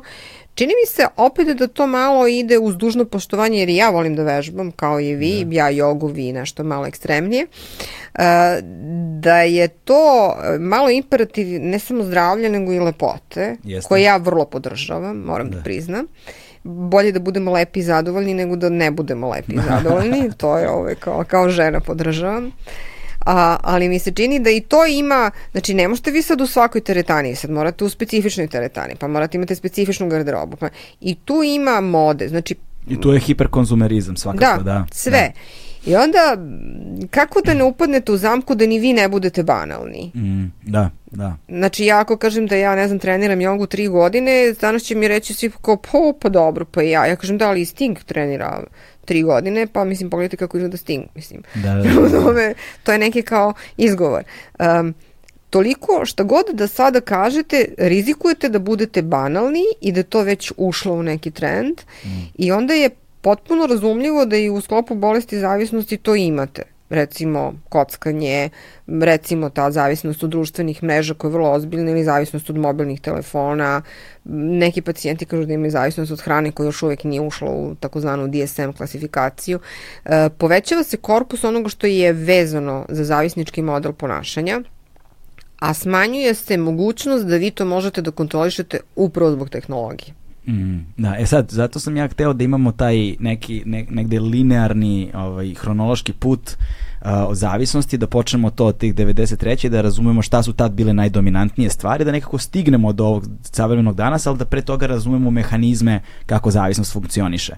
Dakle, a, kako bi bila, ono, iako možda ljudi to znaju, ali kako bi bila negde prva klasifikacija, elementarna klasifikacija bolesti zavisnosti? Još iz, tih, te, te, iz te rane faze, kažemo, eto, s početka 90. Pa da, to ono što sam rekla, znači to su bolesti koje su primjerno bolesti mozga i kao da. takve se moraju lečiti, a one su hronične i recidivantne. A to znači, između ostalog, da pojasnimo da ih nije uopšte lako izlečiti, jel? Mm. Zato što su hronične, ali imaju svoje uspone i padove ili takozvane abstinencije lepse, odnosno recidive. A s druge strane, to su bolesti koje um, vrlo uspešno um, naš mozak dovode u stanje jednog potpuno drugačijeg um, nivoa ili kako mi to kažemo naštuluje se naš mozak na jedan drugi level. Mm. Naš mozak kao veliki dirigent svega što radimo, uključujući ovo što nas dvoje danas radimo, vrlo uspešno upravlja našim ponašanjem, razmišljanjem, pamćenjem i tako dalje. Ali ako mu mi dodamo nešto, pa se to njemu dopadne, onda će naš mozak da prestane da koordiniše određena naša ponašanja i da se usresredi na to što mu se sviđa. I on je potpuno jedno najveće zlopamtilo koje mi imamo, a to nije dobro za naš organizam, jer on nikad ne zaboravlja svoje zadovoljstvo. I što je zadovoljstvo, a zadovoljstvo je izazvana najčešće psihoaktivnim substancijama ili nehemijskim zavisnostima veće ili drastičnije, to će on teže to da zaboravi. I vi sad ne morate da ga zavarate raznim trikovima. I mi to radimo. Znači, kod opijatskih zavisnika smo smislili trik, da ćemo mu substituciju. Kod amfetaminskih zavisnika, zavisnika od kokaina, mi lečimo više njihove simptome i njihov način života. Kako ja da lečim nekog, recimo, ajde da kažem, uspešnog poslovnog čoveka koji smatra da je sasvim normalno da petkom uveče ode u klub, da uzme ozbiljnu količinu alkohola, kokaina i amfetamine, jer to njega opušta. Sad ja treba da mu kažem, ne, vi ćete petkom uveče da odete u džim i u tom džimu ćete da radite to i to i on će onda da vam gleda onako bledo izvesno vreme. Mislim i teško da će da u, prihvati stil života. Znači kod određenih zavisnosti mi menjamo stilove života. Kod većine, da, ali naročito kod onih koji izazivaju tako drastične promene kao što su amfetamini i kokain u smislu brzog menjanja raspoloženja, jer to je karakteristično za njih. Što se tiče zavisnika od kanabisa, oni su najzanimljiviji zato što su oni regrutuju u različitim grupama ljudi. Mi imamo ljude koji imaju 10-15 godina zavisničkog staža, a da uopšte sebe ne smatraju zavisnikom od marihuane i onda u jednom trenutku dođu i kažu ja hoću da se lečim. Ja imam tako jednog pacijenta gde sam ja čak kad sam ga pitala uzimate samo marihuanu, on je rekao kakav je to komentar samo i ispravio me, što je bilo sasvim korektno s njegove strane, a smo ipak nekako došli do zaključka da se znamo i da je on nekad bio heroinski zavisnik. Ali je vrlo pametno došao do zaključka da mu to smeta i sve je da. prepoznao kod sebe što marihuana čini i vrlo uspešno um, sa krajnjom kreativnošću on vodi sa taj svoj život bez marihuane uz ozbiljne pohvale i slično. Šta hoću da kažem? Da ova linija koju ste vi naveli kako zapravo zavisnost izgleda. Zavisnost u svojoj osnovi je nešto što mi kažemo multifaktorijalna bolest. Stara priča, hiljadu puta ispričana. Niko neće postati zavisnik tek tako, zato što su mu roditelji nesrećno razvedeni, zato što ima genetiku na alkoholizam, zato što svi u njegovom odeljenju uzimaju marihuanu, zato što ga je neko popreko pogledao ili zato što mediji propagiraju ličnosti koje to konzumiraju. To su neki faktori, ali ako bismo se danas opredeljivali ko je faktor najviše doprinao, Iznenađujući je činjenica da to ima veze sa roditeljstvom pre svega, pa čak i mnogo, ka, kako bih rekla, retrogradnim roditeljstvom u onom smislu prvog kontakta sa majkom, to je takozvani attachment ili pripajanje majci za koje smo spekulisali dugo godina da je važno, na kraju smo dokazali da jeste, za sva živa bića, pa i za zavisnike pre svega i da oni koji nisu imali dobar kontakt sa majkom u tim prvim godinama života, vrlo često kasnije se regrutuju u zavisničkim miljejima i naravno uticaj vršnjaka koji je ogroman e, i koji roditelji srećom mogu, ali neće da kontrolišu. To su dva faktora. I treći faktor je uticaj životne sredine, ovo kad kažem životne, mislim na sve, ekonomsko i sve ostalo, gde se naše ponašanje menja u tom što mi zovemo epigenetskom smislu. A epigenetski nisam ga nasledio, ali se moja genetika bukvalno menja sa određenom situacijom. Bilo da je ta situacija stresna situacija, bilo da je ta situacija neko osujećenje, neki gubitak i tako dalje. I u našem organizmu zbilja na biohemijskom nivou dolazi do takvih promena da se sada kako mi to kažemo, proizvode proteini koji utiču na uh, genetiku i na genetski materijal tokom našeg života. Znači, nismo ga nasledili i regrutuju ljude u pravcu zavisnosti. Ta današnja takozvana epigenetika, kao i nešto što mi zovemo transgeneracijska genetika, o kojoj su mnogi ljudi pisali i pričali, jedna od najpoznatijih osoba je, a sa naših, e, kako bih rekla, iz, na, iz, naših, e, e, iz našeg miljeja,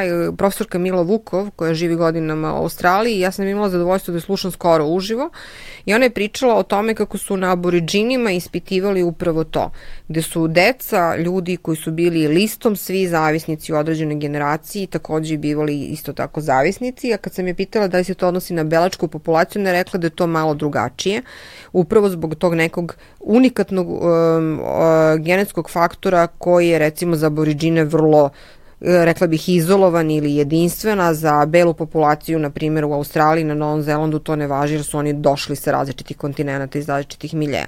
Šta hoću da kažem? Hoću da kažem da nas kao neki nevidljivi ranac na leđima um, mož, u taj ranac da bismo postali zavisnici nam stave jednu ciglu genetika što smo poreklom to i to, pa onda genetika što nam je mama ili tata ili neki tamo ujak voleo da popije pa skoči u savu, pa onda imamo uh, neke klince iz kraja koji su nam rekli da nismo uopšte dobri frajeri ako nismo probali marihuanu, a posle toga i još nešto. Pa nas je onda devojka ostavila upravo zbog toga što smo probali marihuanu pa smo doživjeli stres. I onda e, roditelji su se naravno posvađali ne zbog toga što ja uzimam marihuanu, ali su se oni posvađali, ali ja sam dobar izgovor za to što oni će se sada razvesti. I kad sve te faktore ovako banalizujem kako pričam, strpam u taj ranac, e onda ću ja da postanem zavisnik. Mm. Znači ja neću od jednog da postanem zavisnik. Vi i ja iako je to sad potpuno nedopustivo, ako bismo uzeli bilo kakvu psihoaktivnu substancu ovde, pa čak i viski, nećemo sigurno da postanemo zavisnici, ali bi nam prijalo. Mm ali ako bismo mi to ponovili, to repetitivno iskustvo, mi bismo postali zavisnici. Ali se postavlja pitanje, a zašto bi mi to ponovili? E, to je onaj ranac na našim leđima. Iz kojih sve razloga mi smo natrpali taj ranac određenim ciglama i srpali u njega sve ostalo. Znači, to jeste činjenica. Niko nikada nije postao zavisnik od jednog ili dva uzimanja bilo koje substance. I svako ko to kaže i sipali su mi u piće do besvesti i ne govori istinu, da ne koristim teže reči. Ali mnogim ljudima su se neke stvari tako sklopile u životu da, da oni nisu imali šanse. I ja ponekad e, kad gledam neke ljude i kad slušam njihovu priču, sad imam pacijentkinju koja kad ispričala šta su je sve u porodici, uh, što joj se dešavalo i kakvo ima genetsko samo nasledđe, a ima i brak sa zavisnikom bivšim, ona nije mogla da ne bude u tom stanju u kom jeste, a ona je recimo zavisnica od alkohola. Um, pritom uopšte bez ikakve želje da banalizujem, ali ni da aboliram ljude koji da. uzimaju substance. Sa možda naravno više decenijskim iskustvom i uh, altruizmom prema tim ljudima, jer uh, Ma koliko to vama trivialno izgledalo, mene zaista pogađa ljudska patnja, pogotovo ljudi koji pate u trenutku kada ostanu bez neke substance. To jeste patnja. Bez obzira što možda ta patnja nekom izgleda preterana ili neautentična, to jeste patnja i ona je psihička i fizička. I zato morate da imate negde nekakvo razumevanje i empatiju zašto im se to dešava. Naravno, ne treba da lijete suze sa njima i da im dajete novac, jer oni ne. Da. mogu sad da odu da kupe. Kao što je koleginica u hitnoj službi noćas kod nas opisala da su oni detoksikovali ženu koja je imala preko 3 promila alkohola, pila na radnom mestu i 3 sata su s njom proveli u hitnoj službi i onda je ona otišla do toaleta i u toaletu su ju uhvatili kako vadi ostatak flaše vodke pokušava u našem toaletu naše ustanove da popije ostatak vodke i vrlo revoltirano i hostilno prema obezbeđenju koje to oduzima. Znači, Naravno da ne možete da, da budete ravnodušni prema tome i da kažete pa dobro dušu napisa, sad ćemo mi tebe opet na treznimo, mislim nikakav problem. Jer sve to košta. U krajnjoj liniji svo, svo to lečenje nekog košta, mislim, čitavu zajednicu u svakom smislu. Ali um, jeste patnja ljudi koji su zavisnici velika. Čak i ovih koji su zavisnici od telefona. E, to je jedna iracionalna patnja. Evo, mi smo razgovarali o tome da se to zove nemofobija. Uh, nomofobija. Nomofobija, nomofobija da, kao, kao da. no more phone. Da, da, no more phone on, i kao da. PHO fobija. Sa tradicijom dugom skoro tri decenije, Legend Worldwide je prepoznatljiv domaći brend sa akcentom na jeans, pre svega, koji odlikuju bezvremenski, klasični modeli. E, pa sad, uh, zamislite uh, ljude koji 12 sati neprekidno ili uz manje pauze koriste mobilni telefon. Kolika je njihova nesreća onog trenutka kada im neko oduzme iz bilo kog razloga mobilni telefon ili ga jednostavno razbiju ili prestane da radi baterija ili daljinski upravljač nekog i bilo kog uređaja, recimo PC-a nad, nad kojima oni sede. Pa to. Ja sam imala ozbiljan problem jer je prestao da mi radi produžni gajetan. Do tog nivoa da sam pokušala da racionalizujem, a kako ću ja sutra da stupim u kontakt sa ljudima ako ja ne nabavim novi produžni. I vrlo sam surovo odlučila da to presečem tako što će mi čerka poslati iz centra grada da njem produžni gajten. Uh, zavisni smo od tih novih tehnologija, ajde i ne znamo da smo zavisni. Samo je pitanje da li da li smo zavisni u onom tehničkom smislu, ja to hoću sad na brzinu da vidim, ili u onom suštinskom smislu, da sam ja, ako to nemam, visoko anksiozna, dekoncentrisana, šta ako mi je neko nešto poslao, ne mogu da spavam, e, ne interesuju me klasične, kontinuirane prave veze i prijateljstva i uh, kako bih rekla partnerstvo, nego mi je bitno da li mi je lajkovana ona fotografija sa letovanja nomad u Turskoj i tako dalje i tako dalje. Znači, uh, ja sam pokušavala da, uh, pošto me često pitaju koja je normalnost za konzumiranje, na primjer, mobilnih telefona. I ja kažem obično oko 2 sata na 24 sata. Ali s druge strane, imate ljude koji tvrde da zbog posla moraju to stalno da kontrolišu. Um, u proseku negde oko 70% uh, ljudi E, dnevno koristi preko 4 sata do 5 sati u Sjedinjim američkim državama mobilni telefon, što su jako velike velike satnice, svaki mobilni telefon ima kao što znate ono ograničenje, odnosno kaže vam koliko ste toga dane bili na telefonu. Ako tome dodate da svakih 58, kako, 58 puta u proseku ljudi čekiraju svoj mobilni telefon dnevno i da na njemu provedu ono što smo rekli dva minuta, da pročitaju sadržaj, mi smo ozbiljno uh, vezani za te sprave. Za te sprave koje svi imaju bar jedno, a neki imaju i više. I onda, e, čemu onda priča o nekim drugim gratifikacijama u životu ako smo ako su nam ruke baš vezane sa tim. I sad, sad, sad imamo kontratrend, naravno, ajde da probamo da se vratimo na one starinske telefone, da zakazujemo viđenje vi i ja i da ga ne odgađamo nikada preko mobilnog telefona, nego dogovorili smo se danas i to će biti danas jer ja ne mogu drugačije da vam javim. E, ima to na neki način a, možda rekla bih romantizovano gledanje kako bi to bilo dobro, ali je to nemoguće zaustaviti. Da. Između ostalog zato što to stvara zavisnost. Jer vi svim tim sadržajima koje posmatrate na neki način hranite svoj mozak određenim sadržajima kojima se dopadaju ljudi iz radoznalosti pročitaju crnu hroniku, ali neće da sad pročitaju baš sve detalje srušenog aviona sa imenima putnika i tako dalje. Neće da prelete preko toga. Ali nešto što im je zabavno ili e, da li je još neko imao komentar na moju jučerašnju proju sa čvarcima, meni, znate, raste mi taj dopamin, raste mi, raste mi, ili bože kako je moj mačak najlepši od svih mačaka, znači to kad se ovako lepo slika. E, to je čista hemija u našem organizmu. Ali hemija koja polako, ali sigurno nas vuče ka nekoj vrsti zavisnosti. A ta zavisnost može da bude, malo sam se odmakla, da, ta zavisnost može da bude kratka i da ne bude uopšte zavisnost, nego habituacija, kako mi to kažemo, potreba da nešto radimo, a može da bude vrlo ozbiljna. Jer vi imate recimo vrlo ozbiljno zavisne ljude od pornografije. Mm -hmm. I vrlo ih je teško lečiti. Baš zbog toga što je to sve vezano ili od kocke. Zato što je to sve vezano za novo dizajnirane gadžete koje vi ne možete, možete da kontrolišete, ali je to surova kontrola.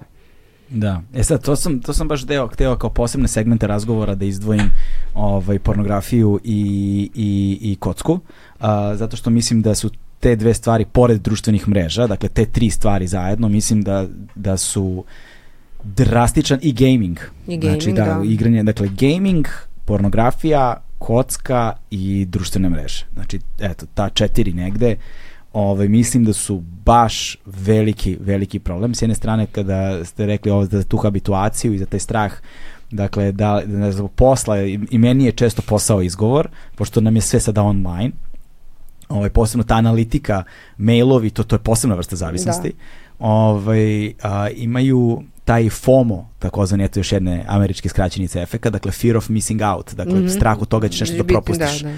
Jer prosto previše toga je eksponirano tamo negde, na nekim serverima, na nekim društvenim mrežama, u kome svako u bilo kom trenutku može nešto s time da uradi. I da pristupi Da pristupi tome, da. I onda ti nikada ne znaš da li će i kada će, postoji to jedno veliko možda, mm -hmm. ovaj, i čini mi se da to možda izaziva tu vrstu efekta da negde a, kao, kao, kao, kao da to negde slično možda kao sa kockom ili ne znam, sad ja pokušam ovako laički da razumem koncept. Da ako ja tebi stavim a, ako je ovo, onda ovo kao jednako rezultat, ali ako ovo, onda možda ovo negde se menja psihologija ponašanja, jer kao sad ti to radiš, ali nisi siguran, kao igre na sreću. Da, kao igre na sreću. Kao igre na sreću. Znači, ako ja uradim ovo, možda bude ovo, postavim znak pitanja umesto sigurnosti. I ukoliko je to slučaj, ti onda zbog te ne, nesigurnosti, neizvesnosti treperiš. Tako je, znaš, izaziva određenu vrstu efekta i čini mi se da ona ima eksponencijalan rast. Da. Ove, e sada, da se vratim korak unazad. A, ako to sve, sve smestimo u kontekst klinaca koji s time stupaju u kontakt sa tipa 4, 5, 6 godina, šta se tu dešava?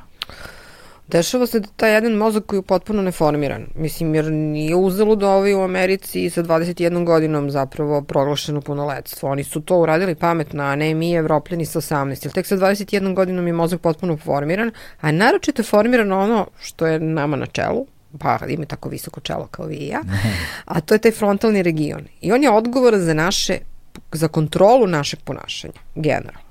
A njega prvog isključimo kad uzmemo određene psihoaktivne substance, uključujući i alkohol. Odmah ga i svi čujemo, mislim, jel, takozvane GABA receptori koji su odgovorni i koji su vodeći u frontalnom regionu budu totalno poremećeni uzimanjem toga, ali budu poremećeni isto tako i sa mobilnim telefonima, znači ustanovljeno je to samo digresija, da kod ljudi koji imaju zavisnost od mobilnih telefona postoji potpuni poremećaj u lučenju tog GABA uh, neurotransmisterskog sistema, kod nekih je povećano, kod nekih je smanjeno i gubitak sive mase. I ne postoji baš precizno objašnjenje zbog čega, jer GABA je glavni inhibitor našeg ponašanja i zato se neki ljudi čudesno ponašaju u zavisnosti od telefona. Neki su anksiozni i pod stresom, a drugi su, uh, imaju nesanicu, a treći su, mislim, prosto to. Ali sada da se vratim korak unazad i da kažem ovo što ste me pitali. A to jeste šta se dešava sa tim mozgom. Taj mozak kreće da se formira u nekom elementarnom smislu motornom, spretnost, ovo ono i zato će, kažu, sve dalje generacije imati određene drugačije morfološke karakteristike što se tiče vida, spretnosti manipulativne prstiju koje su daleko veće nego kod nekih drugih njihovih recimo baka i deda ali njihov mozak će biti naštelovan drugačije. On prima jednu ogromnu količinu vizuelno, neverovatnu količinu impulsa, koje njihov mozak sad treba da obradi i da smesti. Kako će da ih smešta kad su oni manje više svi vizuelni? Mm. Uopšte nisu narativni. Vi kao što znate postoji pamćenje koje je narativno i vizuelno. Kod nekih ljudi je jače jedno, kod drugih je drugo. Vizuelno je naravno vrlo važno, ali mnogi ljudi, mi kad smo učili, jel tako, u školama i na fakultetima, mnogi smo učili zahvaljujući tome što smo to čitali, jel? Naravno, da, da. a ne samo slušali ili samo gledali. To je prvi problem, znači prosto ta vrsta, kako mi to kažemo, pamćenja, koje postoji kao ultra kratko, kratko i dugoročno pamćenje, će se na neki način se menja. Zato i jesu bolesti zavisnosti, bolesti pamćenja, učenja i motivisanog ponašanja. Uh, ja sam skoro pročitala da je Kurt Cobain uh, nisam to znala, izjavio da ako možeš sebi da dozvoliš da alkohol i droge utiču na tvoj život, onda bi ti bilo bolje da promeniš život, mislim, što ne. je da. zanimljivo i da opet nešto u sklopu toga da droge toliko uništavaju ljudsko ponašanje da je to jedna nezamisliva kategorija zašto čovjek sebe dovodi uopšte u takvu situaciju, a mi znamo kako je on završio. Znači, taj mladi mozak trpi jedno neverovatno bombardovanje I on iz tog bombardovanja sada selektuje ono što mu je bitno. Mm. I on ga selektuje na neki svoj specifičan način. Odvaja ono što je bitno od onog što je nebitno, ali na to bitno i nebitno, naravno, tu se treba da uskuči neki roditelj i da to ono što smo pričali, da je roditeljstvo beskreno važno i da on koordiniše šta je bitno i nebitno, jer u vašem mom životu su oni bili glavne koordinate, jer oni su koordinisali dobri neki profesori možda u nekim školama, ali oni su bili ti, oni su bili supervizori. Vi sad nemate supervizora. Taj mozak, ako on sad čita na nekom internetu, ima mogućnost da čita da je nešto afirmativno, čak i što nije afirmativno, on će da ga prihvati kao afirmativno. I onda ćemo doći do one tačke da li je to moda ili je, e, ne znam, transkontinentalno, da je normalno kad odem na rave žurku da uzmem nešto, jer možda on nije imao selekciju to, te informacije, on ima kontrainformaciju. Mm -hmm. To, u tome problem. To je kao kada um, jednostavno na osnovu uh, samo jednog prozora slikate. A sad kad biste izašli, vaš stan je zanimljivo napravljen, pa možemo da se šetamo krug, a kad bismo otišli na drugu stranu, videli bismo drugu sliku, jel da? Da. A ako vi imate mozak koji gleda samo jednu sliku, samo jedan PC ili samo jedan telefon i uzima samo sa određenih sajtova, onda on ima, on stvara sliku o svom spoljašnjosti na osnovu toga. E, Naše školovanje, ono staro školovanje, je davalo mogućnost kritičkog razmišljanja koje se polako topi i gubi i nestaje. A kritičko razmišljanje znači da uvek imate za i protiv, mm. pro i kontra. Da uvek postoji nešto što se zove uh, šta ako to nije tačno ili da li je to baš tako, ono kad smo tumačili pesme u školi pa nas teraju da mi tumačimo tako, a mi budemo pametni pa kažemo šta ako pisac nije to hteo da kaže ili knjigu. To je to. Razvijate kreativnost i kritički duh. I mi kada učimo naše pacijente, te najmlađe, da kažu ne, drogama. Mi ih učimo socijalnim veštinama, ne da kažu ne otvoreno, jer oni to ne mogu da kažu ako sede na nekom mestu i nekoj žurci, nego da smisle perfidne načine kako da to odbiju, a da pritom ne budu proglašeni najgorima, da ne budu proglašeni kukavicama, da ne budu proglašeni luzerima i tako dalje, i da budu dovoljno atraktivni za one za koje žele da impresioniraju ili da budu pripadnici neke grupe, a da uh, ne budu obeleženi. Jel najgore je biti obeležen kao neko? Zna, mislim, zašto ima toliko samoubistava među tinejdžerima? Zato što ih neko, ono, jel, obeleži i to je takav mobbing, mislim da to nije normalno i onda oni izvrše samoubistvo zato što ne mogu da podnesu da neko priča da imaju loše zube ili ne znam kakvu haljinu ili ne znam koliko kilograma ili u najmanju ruku nisu trendi, jel? Mm. I sad, toj deci je potrebna šira slika. Kako ćete da im proširite sliku? Pa vaspitanjem i obrazovanjem. Nema drugačije. Na tom istom uređaju oni mogu da pročitaju toliko toga, ako žele, da vide toliko toga, da odgledaju toliko filmova, da odslušaju toliko poznatih autora, muzike, klasične i ne, ali neko mora to da rukovodi. Neko da. mora to da cenzuriše. Ko? Mama i tata koji upravo gledaju mreže i kače slike ili pručavaju mesti ili gledaju mailove ili da ne budem suviše sarkastično da pisuju se sa ljubavnicom. Pa ti roditelji moraju svoj telefon da ostave po strani i da zajedno sa tom decom, ako već imaju taj telefon, a ja to ne preporučujem, ali imaju taj PC, kreativno na novim uređajima stvaraju neku njihovu duhovnost, realnost, obrazovanje i kulturu. Mislim, ništa dobro neće baš da ispadne samo iz tih gadžeta i ne bi bilo loše da neko otvori neku prašnjevu knjigu, nekog Tom Sawyera i da ispriča nešto dobro o njemu i o Huckleberry Finnu, jer niko ko je pročitao Mark Twena ne može da bude loš čovek. Ali to, za to se mora imati vremena. Mislim, zašto ste rađali decu ako nemate vremena da ih ovaj, vaspitavate? Mislim, niste ja, morali to da radite, jel tako? Niko vam nije stojao nad glavom, mislim, definitivno. Ja svaki put kad dođe na Surčinski aerodrom leti, stane i sebi postavljam pitanje zašto ste rađali decu kad ne možete da ih vaspitavate, dok samo srpska deca u koncentričnim klugovima trče po ove, ja. aerodromu i pokušavajući da vam se popnu na vrh glave, iako vi stojite u samom ćošku. Znači, činjenica jeste da neko mora mlade osobe da na neki način usmerava, jer su deca kao voda. U posudu koju ih stavite, one će zauzeti taj volumen. Ali ako ih držite u ruci, one će da procure i da sjeđu dole i onda ćete doći za 10 godina kod mene i reći da zaista ne znate zašto je on postao zavisnik, jer su mu sve u životu pružili. Ja kažem, da, sve sem vremena. Mm. Slažem se. Da, to je, to je, to je, to je veliki faktor. Ove, ovaj, čini mi se negde, uh, sad kod tih klinaca kasnije dolazi do nečega što sam pričao, čini mi se sa doktorkom Snežanom Alčaz, mm -hmm. a, kada smo radili na nekom projektu zajedno, kada nam je govorila o tom takozvanom faktoru binge, drink, binge drinking, drinkinga. binge drinkinga, jel te, koji je naj ono češći kod nas, zapravo to je ono pijenje do i opijanja potpunog, ovaj, i da se sa njime veoma rano počinje. I da postoje tu mehanizmi takozvanog uh, bekstva od problema. I sada kada si klinac, suočavaš se sa malim problemima s razmerno sobstvenom životu, jel tako, osim u nekim izuzetnim okolnostima, ali to sad nije važno statistički, jel te? Dakle, i da ti kada ti se desi taj problem, bi trebalo sa tim problemom da se suočiš jer onda izgrađuješ određene alate Tačno. i mehanizme razumevanja, suočavanja i prebrođavanja tog problema, što tehnički, što emocionalno, što psihički, jer se svašta nešto uznemirava u tebi. Kasnije u životu će ti problemi biti veći i ozbiljniji, pa ćeš te, te alate upgradeovati, što bi Tačno. rekli, a to naprediti, a onda kada dođeš u neku zrelu životnu fazu, kada životni problemi postanu ozbiljni, ti ćeš već imati set alata i mehanizama kojima ćeš moći da počneš da se suočavaš pa vremenom da ih prevaziđeš.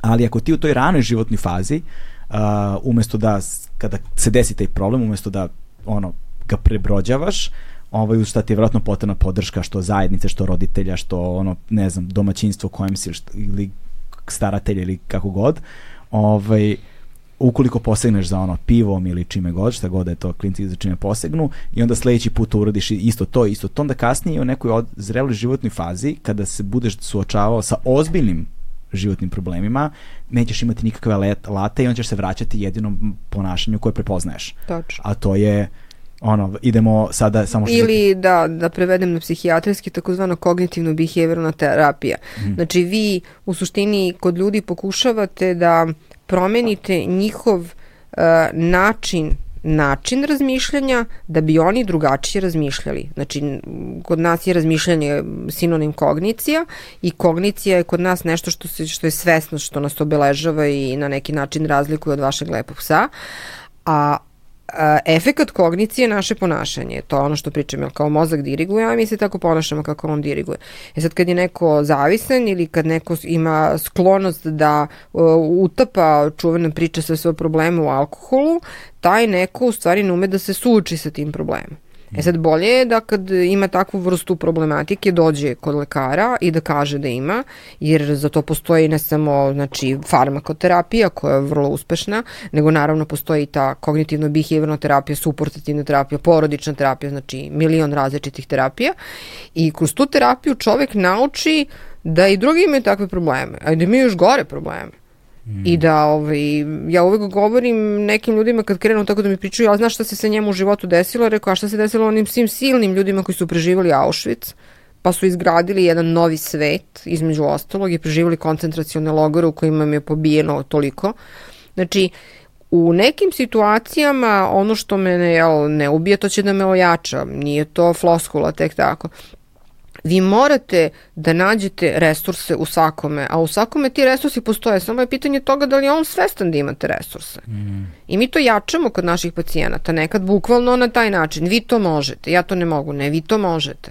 Ja to ne mogu da izdržim, ne, vi to možete da izdržite, mi ćemo se učiniti da vam olakšamo. Znači, te rečenice naslušala milijardu puta u svom dežurstvu. Kad neko hoće da odustane od svog lečenja, mm. uvek idemo na tu varijantu da ga motivišemo da ostane. Znam da je duboko individualno, ali opet me zanima koliko, da postoji neki prosek ono, trajanja tih procesa, menjanja tih mehanizama. Pa mislim, ljudi, kako bi se reklo, pohađaju kognitivno-behaviornu terapiju sigurno više meseci, bar jedno šest, da, da bi mogli da, da učine nešto. I ta terapija može biti naravno individualna ili grupna. Kod nas postoji čitav jedan ozbiljan sektor koji je sektor takozvane dnevne bolnice za hemijske i za nehemijske zavisnosti i jedan i drugi između ostaloga kao nosiću terapiju pored farmakoterapije imaju kognitivno-behaviornu terapiju koju primenjuju moje koleginice, a koja im je u nasledstvo ostavila naravno dr. Kalčas koja je ovaj, ostavila sav svoj lepi trag tamo, pa uključujući i ovaj, između ostalog to da se ta vrsta terapije naširoko primenju u našoj ustanovi, pogotovo u tom segmentu. I to jeste činjenica i to zaista pomaže. To je jedna prosta stvar izmišljena pre mnogo, mnogo godina, a da, da ako mislim na A način, meni će se desiti C, ali ako mislim na B način, meni će se desiti D. Znači, kao matematička jednačina. Znači, ja moram da promenim ovaj A za B, Mm -hmm. i onda ću drugačije da se ponašam. Jer ja, ja ako mislim da, da, da me u školi ne vole zbog toga što sam debeo e, i da onda moram da pijem, jer onda kad pijem, mislim, ja zaboravim da sam debeo i tako, nije važno, ali ako ja učinim nešto drugo, ako ja smršam, mm. onda ja više nisam debeo i onda će oni mene da prihvate. Znači, to je sad pitanje samo da pogodite tangentu onog čemu se najviše približavate kod neke osobe onom što možete iz nje da izvučete. Tu sad morate budete i pronisljivi, i pametni, i obučeni i tako dalje. Ne možete na svakom da primenjujete uvek isti sistem, naravno. Da ali morate da nađete ono što nekome odgovara, ono što on stvarno može da izvede. Ne može svako da ide i da smrša zato što mu se svi smeju da je debeo, ali može nešto drugo da uradi i da se dopadne. Može da postane recimo načitan ili može da postane na neki način zanimljiv ili duhovit ili da na drugi način skrene pažnju na sebe. Jer mi svi želimo da budemo prihvaćeni u tom uzrastu. Mislim da se ne lažemo, mi želimo da budemo prihvaćeni u nekim drugim uzrastima. U svim uzrastima. U svim uzrastima, da. ali u tom uzrastu pogotovo. I sad kad nas neko ne prihvati, kad nas ne prihvati ta, taj milje u kome mi jesmo i kome mi težnimo, mi smo duboko nesrećni. Mm. Mislim, možemo da budemo duboko nesrećni zbog trepavica, možemo da budemo duboko nesrećni zato što su nam roditelji, ne znam, zavisnici ili zato što nemamo dovoljno novca ili već to su sve standardni stereotipni momenti, kliše gotovo. Ali činjenica je da je loša varijanta da probam to da potopam u alkoholu ili u drogama, a da je bolja varijanta da me uzmu za ruku i odvedu i samo što se to ne dešava. To se strašno teško dešava i strašno redko se dešava i najčešće e, ljudi onda posegnu za privatnim psihoterapeutima i misleći da će tako da nešto sakriju, ušuškaju, da je tako bolje što uopšte nije tačno. Mm. Mislim, naravno, masa mojih vrsnih kolega radi privatno i radi odlično, ali ne mora značiti da, da ako odvedete nekog u, u neki centar grada, da ćete tamo 100% da rešite problem, a da nećete da pro, rešite problem kod nas u Drajzerovi. Mislim, rešit ćete ga, ali morate da budete svesni I svi roditelji koji su bili na vreme svesni, bez obzira koliko su te stvari kod njihove dece bile početničke, uključujući konzumiranje marihuane ili binge drinking, Samo su bili svesni, oni su jako mnogo postigli, ali mi imamo recimo centar za mlade u bolnici koji vrlo uspešno radi, koji mm. radi sa mladim ljudima, grupno i pojedinačno. I onda te moje kolege imaju mehanizme i modele kojima pokušavaju da tim mladim ljudima pruže objašnjenje na ono zbog čega su oni zapravo tu i zašto su počeli to da rade što rade. A sa suprotne strane, ako vi pustite da do to krene, onda ćemo doći do onoga što ste vi pomenuli. Da neće naučiti, kao što je rekla doktor Kalčas, koji sve šrafcigir i motor cangli u svom životu uslovno rečeno hm. mogu da izvuku. Koju kutiju sa alatom imaš, da. Da, nego će da udaraju glavom non stop i da mhm. onda doživljavaju u najmanju ruku visoku anksioznost, a u suštini mogu da skrenu na neku stranu koja je vrlo... Najgori su nezadovoljni ljudi, mm. u stvari. Da. Nezadovoljni ljudi, neostvareni ljudi i ljudi koji, uh, kojima je uvek neko drugi kriv. Mm. A nikad oni. A koliko mi je ta priča poznata. Da. I onda kad vi se, se stalno suočavate sa, te, mislim, takvim ljudima je pre svega potrebna terapija. Oni su broj jedan i ja se suočavam i znam mnogo takvih ljudi. Uh, u suštini čemu nas je naučila pandemija? Možda nam je morala da se dogodi. Naučila nas je da, da cenimo ono što imamo, to je život i mhm. zdravlje. I ako to imamo, naši kapaciteti su ogromni. U krajnjoj liniji pogledajte te moje kolege koji dve i po godine ne skidaju kafa, skafander. Da im je neko rekao na infektivnoj klinici ili u batajnici da neće dve i po godine skidaju skafander, oni bi rekli ma daj molim te. Mislim, da si ti normalno. Ali, ali se to dogodilo. Znači, vi nikad ne znate koliko čovjek može da izdrži. Da. Može mnogo da izdrži. Bez obzira na godine, iskustvo, život i slično. Nije dobro da budemo stavljeni u takvu test poziciju, a jesmo stavljeni. Ali korona je između ostalog izbacila upravo o čemu pričamo. Drastično se povećao broj ljudi koji konzumiraju svuda u svetu, benzodiazepine, alkohol, rekreativnu marihuanu. Čak oni koji su konzumirali do sada rekreativne psihoaktivne substance su počeli češće da ih konzumiraju. I to jeste činjenica i mi sa tom činjenicom sada nama se to kao bumerang vraća nazad. Da. Sad imamo uh, povećan broj ljudi koji dolaze koji imaju probleme sa alkoholom ili imaju probleme sa benzodiazepinima ili imaju probleme i sa jednim i drugim ili je taj ono što ste pomenuli polydrug use, znači upotreba više substanci zajedno postala dosta trendi tokom korone. I sve zbog anksioznosti koje smo kolektivno i individualno prošli zaplašeni vrlo realnom situacijom. Koliko da. god mi hteli da racionalizujemo teoriju zavere, svako je znao neko ko je bio bolestan, a neki su znali neke koji su preminuli. I sad ne možete vi da to poništite koliko god da ste iracionalni i koliko god ne želite o tome da pričate, svi drugi oko vas pričaju. I to jeste, nažalost, jedan veliki test za čovečanstvo ali je vratio čovečanstvo možda nečemu što je bitno da. u sklopu bolesti zavisnosti, e, između ostalog. Sada, ovaj, zbog brojnih stvari koje sam radio, jel te, u, u, me, u brojnim medijima u kojima sam bio, ovaj, javljaju mi se razno razni ljudi. I ovaj, primetio sam a, nekoliko stvari koje su vrlo zanimljive a, u odnosu na nešto što je bilo ranije možda. A, kada sam uh, radio dokumentarne priče o ritualima halucinogenim, ovaj, ayahuasca, uh, pečurke i tako dalje, ovaj, neobično veliki broj ljudi mi se javljao tada i neverovatno, javlja se dan danas, ovaj, skoro svakodnevno, um, sa kao imam pitanje, treba mi savet mm -hmm. i ovaj najčešće nakon te dve rečenice ide ono cela ono, kako mi to zovemo, zavesa teksta, mm -hmm. ovaj, od problema koje ljudi imaju i kao treba im, videli su, naš, moju priču mm -hmm. o, ne znam, o ayahuasci i ovome mm -hmm. onome i kako treba im kontakt sa nekim šamanom ili nešto. Mm -hmm.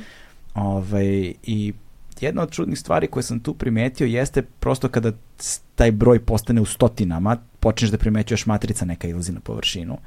Ta struktura, način na koji oni pišu, meni negde deluje da ti ljudi zapravo, jer to su nepoznati ljudi, to su ljudi koji ja ne poznajem. Da, da, razumem. Ovaj, kao da su imali zapravo potrebu da se izjadaju, mm -hmm. da podele problem su. Mi se ne poznajemo, čovječ, znaš, kao kako prvi kontakt bude, sad ja čitam, znaš, celu tvoju životnu neku tragediju, ne želim, ne, ne, ne, ne želim niko shvati pogrešno, nikoga da. ne, ne, ne, ne podaštavam, ne, ne pokušavam da budem, uh, meni, meni je veoma drago kada ljudi se javljaju i kada pišu i znači mi beskreno i kad god mogu trudim se da uđem u komunikaciju da odgovorim, ali što je nažalost prosto zbog obima nemoguće.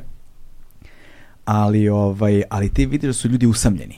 Vrlo. Vrlo su usamljeni. Usamljeni su i ne treba možda vama ayahuasca, možda vama treba dobar razgovor. Na, treba vam zagrljaj, treba vam da. Znaš, pažnja neka, da. ljubav, ono, pre svega, hajde probamo sa time, znaš, da li imate u svom okruženju nekoga kome Tačno. zapravo možete da se obratite.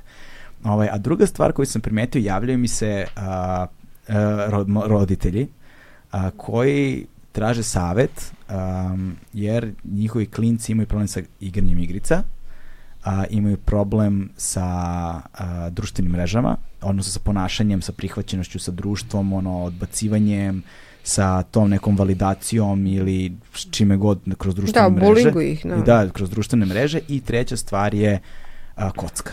I kocka mislim da zahteva ono posebnu temu, jer negde mi se čini da je ona možda od svega do sad navedenog najveća pošast trenutno koja se nalazi u našem društvu, to je alkohol.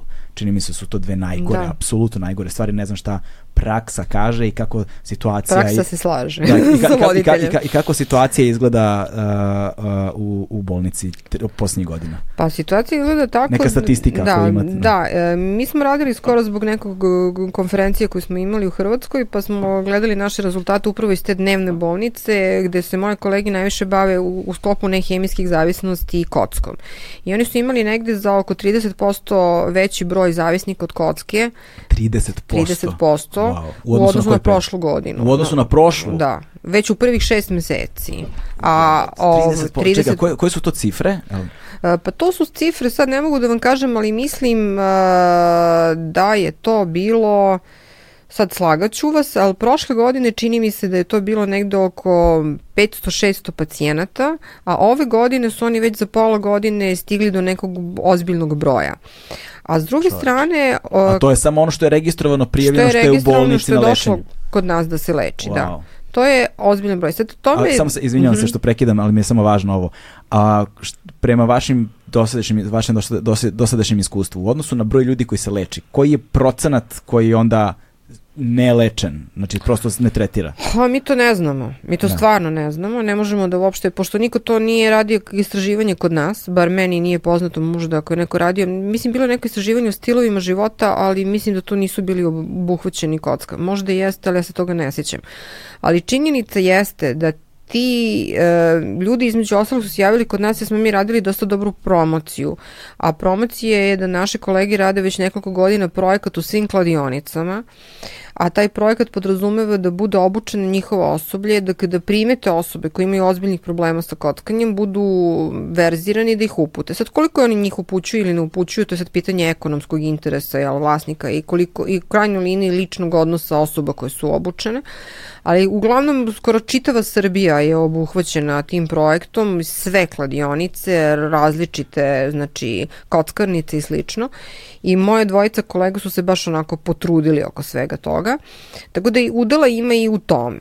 Mm. E sad, uh, mislim da je s druge strane reklamiranje samih igara na sreću, prilično nepristojno na strane nekih poznatih glumaca i poznatih ličnosti, doprinulo činjenici da se poveća taj broj ljudi koji odlaze. Nekada su se ljudi mnogo više, jel tako, kladili, a sada ima dosta tog online kockanja. To je nešto što je poseban problem, pogotovo zbog pristupačnosti preko mreža i slično. I ko, za kocku inače važi da niko ne može toliko brzo od, od zavisnika da vas uništi kao člana porodice, kao ljudi koji se kockaju, zbog toga što su to enormne sume novca koje mogu da se potroše za jedan dan ili za jedan klik. Mislim, i to je nešto što je potpuno neshvatljivo. Tako da se mi trudimo i radimo dosta i mm. smeštamo na hospitalizaciju te pacijente i slično.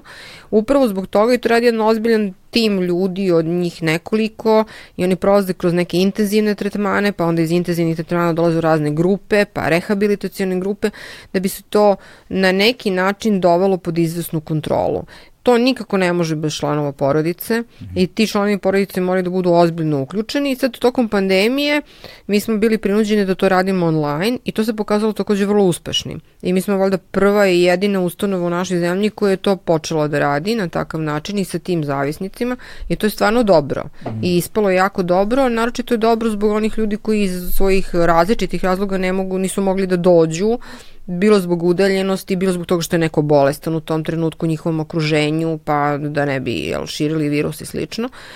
Tako da smo problem kao takav zadržali, iako tu postoje određene pravne e, nejasnoće, jer kod nas online lečenje zvanično nema pravni okvir činjenično, to jeste. Tako da mi to radimo uz dobre namere, uz očekivanje naravno zakonodavca da taj proces lečenja privede zakonskom okviru kao u drugim zemljama u kojima to jest. da. sprovedeno i gde ima masa pacijenata koji žive u inostranstvu koji kod mene dođe i kažu pa kako ja ne mogu sa vama da imam online sesiju. Da. Mislim kad ja mogu da uplatim na račun mom terapeutu u Engleskoj i da bez ikakvih problema iz bilo kog kraja sveta mm -hmm. sa njim komuniciram. Ono što je problem sa kockanjem, to je ta nekakva impulsivna potreba, ali tako da... Ne, to se da pitam, da. kako, kako kockanje nastaje, kako se dešava, šta se zapravo dešava kad ljudi... Nažalost, potpuno identično kao i, sve druge zavisnosti, takođe e, pogađa taj centar za zadovoljstvo i e, dolazi do ustanovljene do duše da ljudi koji su kockari imaju nešto povišeni prag impulsivnosti, znači da su skloni impulsivnom reagovanju, ponašanju, što ide naravno uz kockanje, a to je taj hazardni moment, e, sklonost ka donošenju rizičnih odluka pre svega. E, i kod njih su ispitivali brzinu donošenja odluka i brzinu i donošenja ispravnih odluka. Aha. Oni su ljudi koji brzo donose odluke, ali vrlo često greše. Ne donose uvijek ispravne odluke. To su takozvane multitask ove ispitivanja. I e, međutim kada dožive satisfakciju, odnosno kad nešto zarade, ta satisfakcija isto tako luči dopamin, dopamin, dopamin, dopamin i oni postaju srećni, srećni, srećni i ubeđeni da su otkrili sada sistem koji će da radi i taj sistem radi i sad ćemo to sve da ponovimo. I onda se suoče sa surovom realnošću da sistem ne radi, jer uvek dobija zapravo kockarnica, mislim, da. a vi redko, sem u filmovima. I onda ide usujećenje, onda ide depresija Po tome takođe liči pomalo na kokainsku zavisnost, ide nesanica, gubitak telesne težine, pad koncentracije, izbegavanje svih obaveza, fokusiranje samo na to, manipulacija, laganje, prestanak odlaska u školu, popuštanje u, što se tiče svih obaveza, bilo poslovnih, bilo školskih, bilo roditeljskih. Znači, sve aspekte, znači Prim, primarno, kao i u svim drugim bolestima zavisnosti, postoji fokusiranost na konzumiranje, odnosno na, u ovom slučaju, rizično kockanje uh, ili klađenje kao što bi neko rizično konzumirao, ne znam, alkohol ili, a nekako neki to kažu, odgovorno pijenje. To je ono kad mi sednemo za ručak pa popijemo jednu čašu vina i kažemo sad je dosta. To je mm. odgovorno pijenje. To bi isto tako značilo da oni mogu da popune jednu mesečno jedan loto tiket i da kažu sad je dosta. Da. Ali to se ne dešava i jako teško je to, odnosno se opet vratimo unazad pa kažemo mozak nije zaboravio jer je zlo pamtilo. On pamti kako mu je bilo dobro kad je doživao taj uspeh u bilo u kazinu ili bilo zaradio ne znam 1000 dinara, 2000, 12.000 dinara i on je to, to, to, to je tako duboko urezano u nečemu što mi zovemo pamćenje, engramski gledano. To su bukvalno otisci u našem sećanju i sad vi te otiske treba nekom gulumicom da izbišete i da ga zamajavate i da kažete ali vidi, vidi ribice. Da, da, da, da, da. vidi napolju sije sunce, lepo je vreme.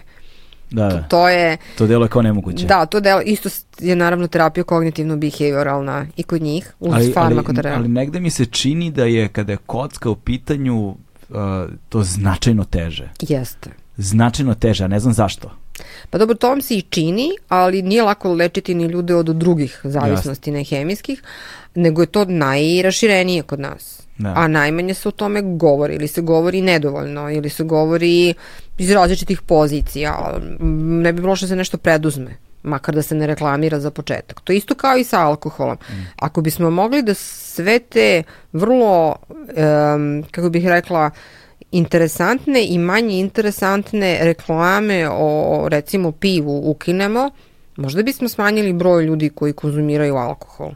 A kad vi napravite tako dobru promociju za svako pivo pojedinačno, mm. pa to prosto, pa, pa, pa, sasvim je, dok, ako vi gledate reklamu u kojoj je osnov između oca i sina roditeljski, gledala sam tu reklamu više puta fenomenološki oduševljena, kako je neko smislio da je osnov između oca i sina, nema veze što postoji distanca neko pivo, neću reći koje, mm. i da ih to vraća zagrlje jednom drugom, to kao prva ljubav zaborava nema, što rekao jedan moj kolega za opijate, E to, to, to tako kad postavite stvari i kad nekom pružite tu sliku i kad neko ima 15-16 godina i prvi put sam s tatom pio to pivo na to nomad utakmici zvezda ne znam ko i sad ću ja sad emotivno da se vežem za tu klimenku. Ako tako postavite stvar, onda mislim zavarali ste svoj mozak totalno. Ne, imate lepo sećanje, emo mi je bilo prijatno. Postoji neka zakonska regulativa koja se bavi time, koja bi trebalo kao neko nadzorno telo koje kaže ovo su, ne znam, psihološki Ne, e, nažalost- elementi, ne nažalost, znam, da, emocionalnog da. uslovljavanja ili e, ne znam, o, čega god, kao koji, ako se primene, kao nisu, ne znam, psihološki, Pa behavioralno vi, vi, dobre. vi vrlo dobro znate, vi ste čovek od medija, Da, da, da. je ogroman novac u reklamama i vi znate Ogroman, da.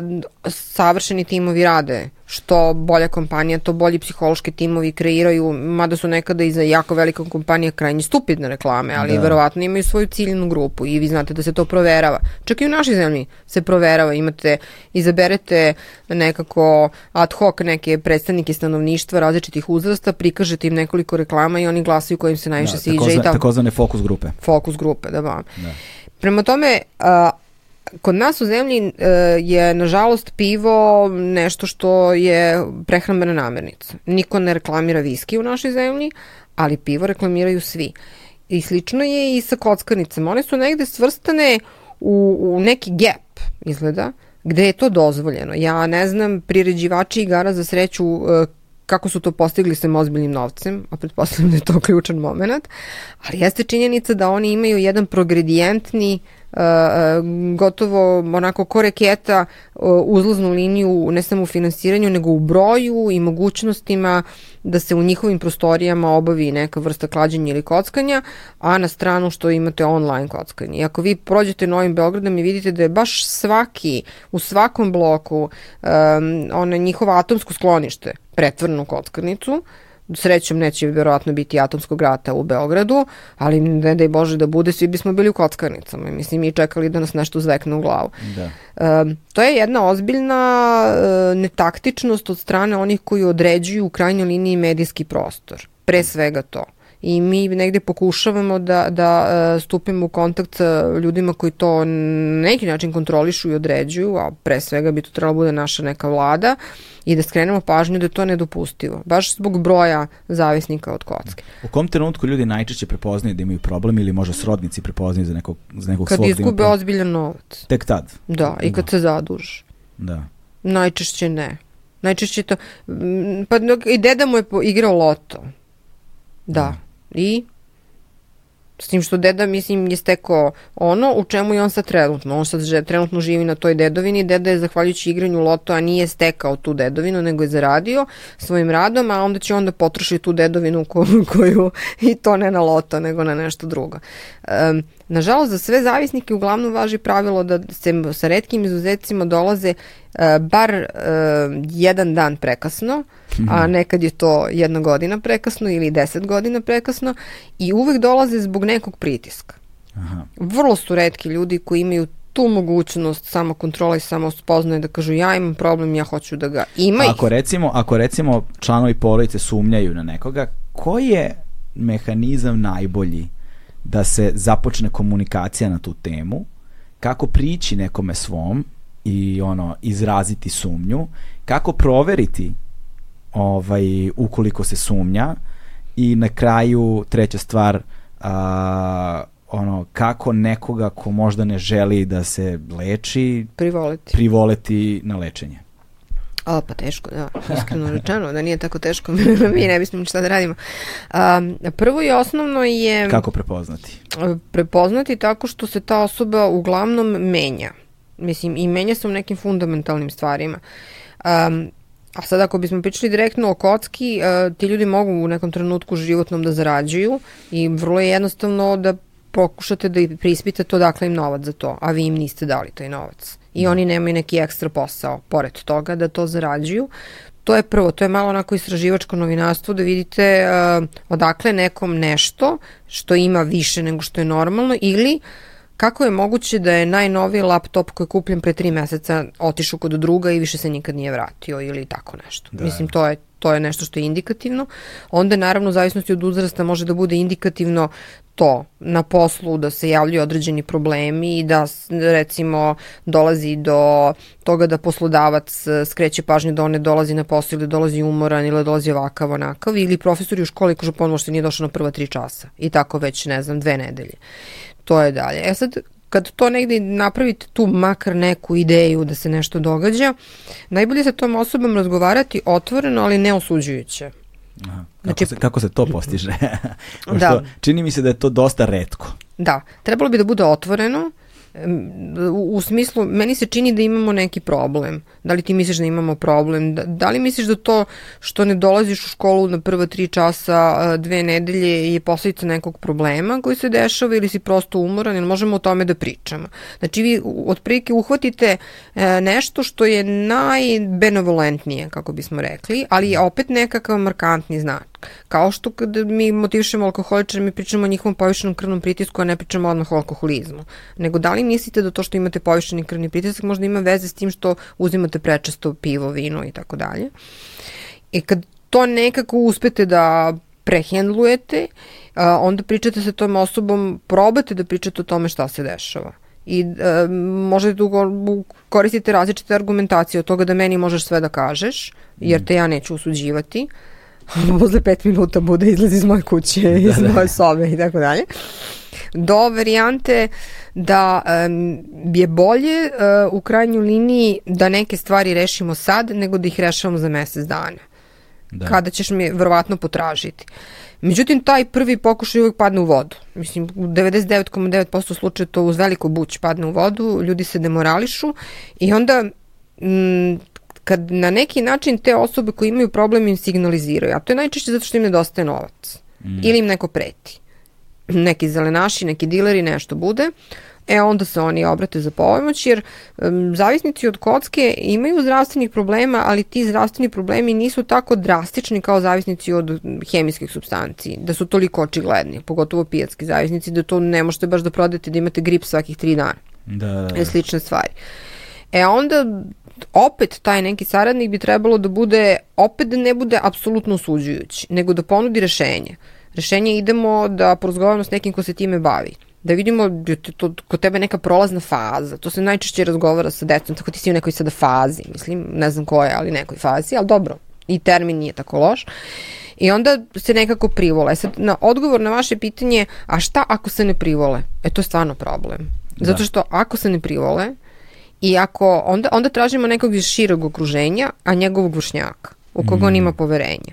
Može da bude neki brat, sestra, drug iz škole, ovaj, onaj, da, da se njim razgovara da taj sad uticaj vršnjaka koji su pozitivni vršnjaci pokuša da iz njega izvuče nešto ili pokuša da ga motiviše da taj problem rešavaju. Nekada se dešavalo da zaista vršnjaci dovode, ali to je bilo, moram da priznam, davno.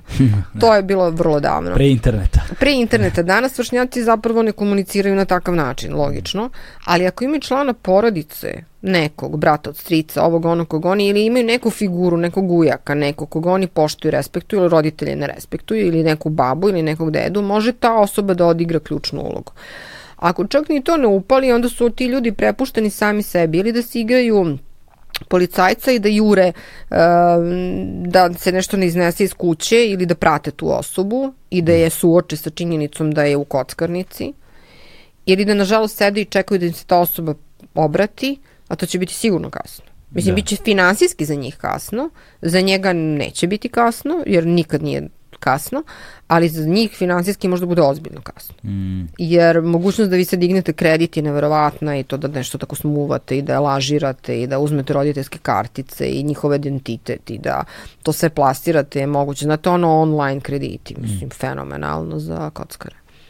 Da, je sad ono što je najčešći problem, čini mi se, s kojim se ljudi suočavaju, jeste to, pre, premošćavanje tog trenutka kako započeti komunikaciju, kako adresirati, jer to je da. opet neko do koga ti je stalo, neko sa kime verovatno već imaš istoriju i problematičnog odnosa i ovako i onako i kao, znaš, nije me ta osoba slušala ni za ovo, ni za ovo, ni za ovo u životu, sad će da me sluša za ovo, važi, znaš, kao kako, kako da taj konflikt ne eskalira, kako da, kako da se održi staloženost i smirenost, kako se naučiti strpljenju, kako znaš, kako pronaći ugao koji je najbezbolniji i na koji način ostvariti tu komunikaciju i na kraju opet i kad sve to uradiš, znaš, čini mi se da s druge strane je ono otpor i dalje, znaš, opet ne laziš na jedan strahovit otpor njeno strahovito poricanje, Da. na možda čak i ono agresivnu epizodu, ispade... da- Zašto me napadaš, pusti me izađi iz moje sobe. Da, znaš, odbijanje, Jeste. guranje od sebe, možda potencijalno odlaženje od kuće Da. i šta ti ja znam i sad kao, znaš, to je ono što je popularno po američkim filmovima, intervencije, znaš, postoje Da. takve stvari ovde. Postoje. A, zapravo one su vrlo jednostavne i svode se na to da ljudi dođu kod nas u savjetovalište. I ovaj, to jeste glavni posao svih naših e, saradnika koji su vrlo edukovani, specijalni pedagozi, socijalni radnici i psiholozi i svakoga dana najmanje jedan od njih radi taj posao.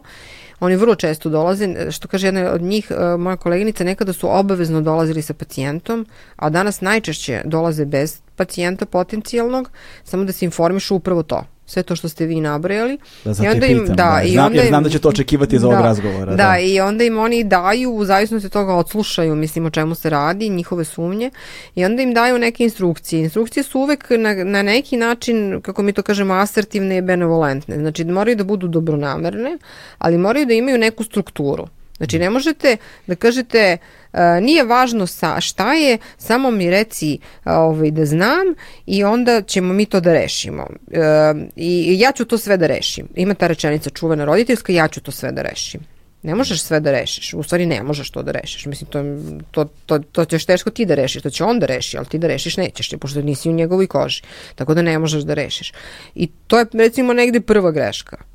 Ne, mi ćemo to zajedno da rešimo ili mi ćemo da odemo da pitamo pametne ljude kako se to rešava. Um, pomozi nam. Um, morate da budete na neki način i emotivni. U tom smislu, ja tebe volim, ali vidim da se nešto sa tobom dešava i da patiš. Brinem se za tebe. Stalo mi je da ti bude bolje. Izgubio si na težini i volela bih da lepše izgledaš. Kažu mi tvoji prijatelji da te uopšte ne viđaju u školi um, bilo bi dobro da znamo da nisi nešto od neke bolesti ozbiljne bolestan, da hoćeš da te odvedemo na neki pregled, da ti izvadimo krv. Znači, postoji hiljadu nekih tako trik da. varijanti da pokušate da uspostavite kontakt sa tom osobom. Na momente vam se čini da ste tu igru dobili. E, najbolje je svemno rekla jedna engleskinja, moja koleginica na nekom uh, UN Odyssey-evom panelu gde smo bili, da je zapravo rad sa zavisnicima ples, koji nije ni tango, ni valcer, to je jedan ples u kome vi uopšte ne znate da će neko da vam stane na nogu ili vi njemu, da će da vam isklizne iz ruku ili neće. Taman kad mislite da ga čvrsto držite, a on pop ili pobegne od vas ili prestane muzika, a samim tim i čarolija, što je potpuno tačno.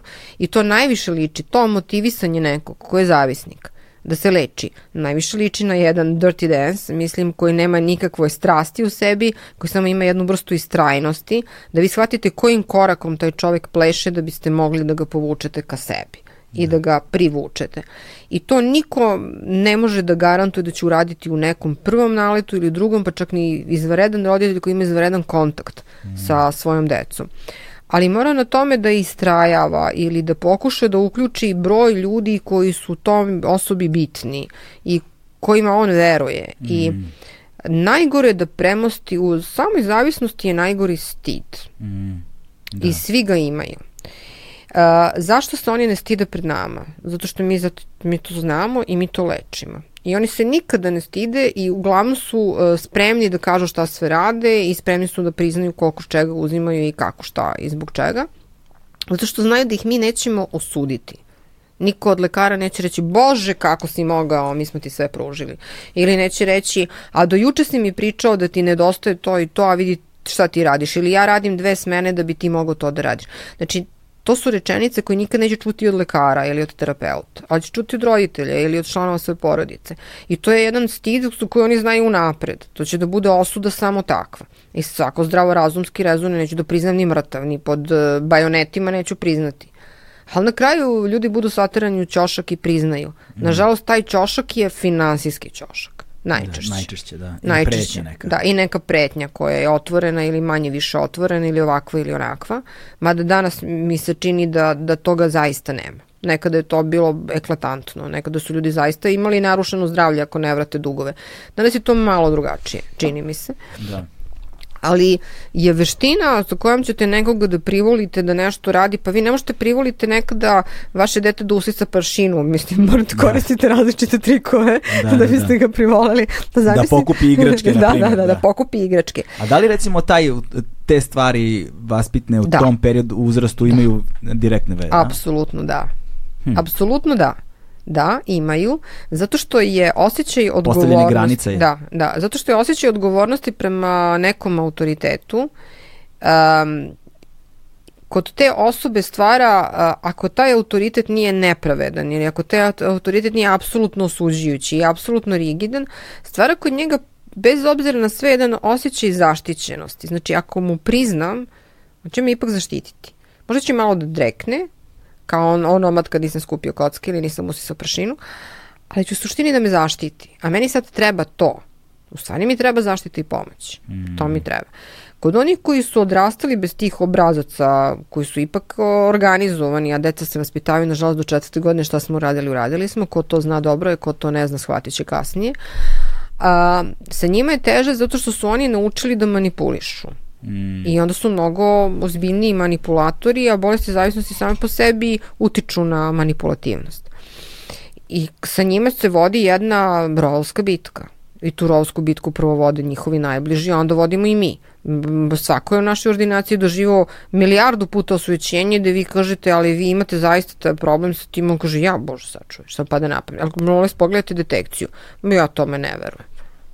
Ajmo opet da radimo, poradimo opet pa bude isto. Ne, ja ću to da radim na Vojno-medicinskoj akademiji, odem na Vojno-medicinsku akademiju, mislim, i uzmem urin od mog druga i donesem vam nalaz i evo vidite sam negde. Mislim, poricanje. To je prva stepenica ili prva ograda u svakom pokušaju lečenja zavisnika. Ne, nisam. Da.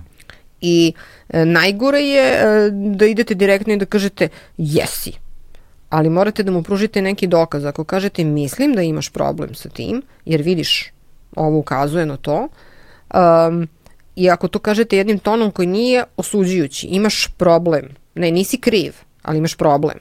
Ti imaš problem, nisi kriv i nemoj da se stidiš, ali imaš problem i to mm. se leči.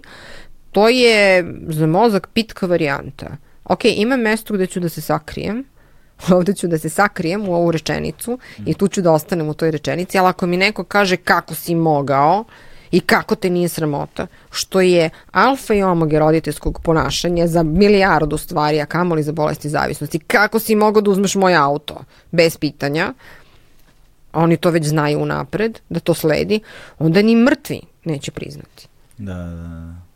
I to je, i onda, onda svi zajedno dođu kod nas u sred noći u hitnu službu i onda kreće na tezanje, da li ćemo da damo uri, nećemo da damo uri. A šta vi mislite ovako kako ga gledate? Onda vi kažete ja ništa ne mislim, ja moram da proverim, mislim, mi ne mislimo, mi proveravamo, mi verujemo samo nekim egzaktnim, jer možete da se prevarite. U koje doba dana dolaze najčešće? Jel tako uznemireni uvijek dozu sred noći, ne znam zašto. Što vole to oko pola jedan do jedan, pa to, je naj, na, to im je najdraže. da, da, da, da. Evo sad je došao sa rečenicom čuven. Znate, on je otišao, sa, bio sa nekim društvom i evo sad se vratio i vidite kako je čudan. Ja sad ta osoba može da bude stvarno iz milijardu razloga, dešavalo se. Da bude iz milijardu razloga čudni. Mislim, ostavili ih devojka. Šta znači uopšte čudan? Čudan, mislim, da. vidite kako su mu crvene oči. Da. Se desilo jednom da je dečka ostavila devojka, on se siti isplakao od krišom, nije smeo nikome to da kaže, meni rekao u poverenju. Što doktorka, mislim, evo, uradite mi test na sve što, na 10 substanci ako hoćete, to ne veze s marihuanom. Mene ostavila devojka, ne znam, posle, na primjer, dva meseca, što je tragedija sa 15 godina ili sa 16, i zato su mi oči krvove. Da, da. I stvarno sad kad ga pogledate onako, onda pričate o devojci, onda vidite da on počinje da plače ponovo i onda vam bude jasno da, da, da, da je to otprilike tako nešto. Ali naravno ima i klinaca koji su uzimali koješta i sad vi dokažite između ostalog jesu li ili nisu mm. i da li je ta marihuana koju smo mi našli od noćas ili od pre dva dana ili od pre da. tri dana. To je onda problem, ali e. roditelj hoće rešenje i sad odmah, jel može da ostane kod vas u bolnici? Ne može. Kako ne može? Pa ne, ne radimo to tako, to hitan prijem nije za to i tako. Pa kako mislite da ga lečite? Vi ćete biti odgovorni, pazite, u oči vas gledam, vi ćete biti odgovorni što ga sad puštate na ulicu, Znači, ja sam odgovoran, nije on odgovoran što ga je pre 5 sati pustio na tu istu ulicu, sa tim istim parama u džepu, bez ikakvog saznanja s kim je, gde je, čemu to vodi, kad će da se vrati.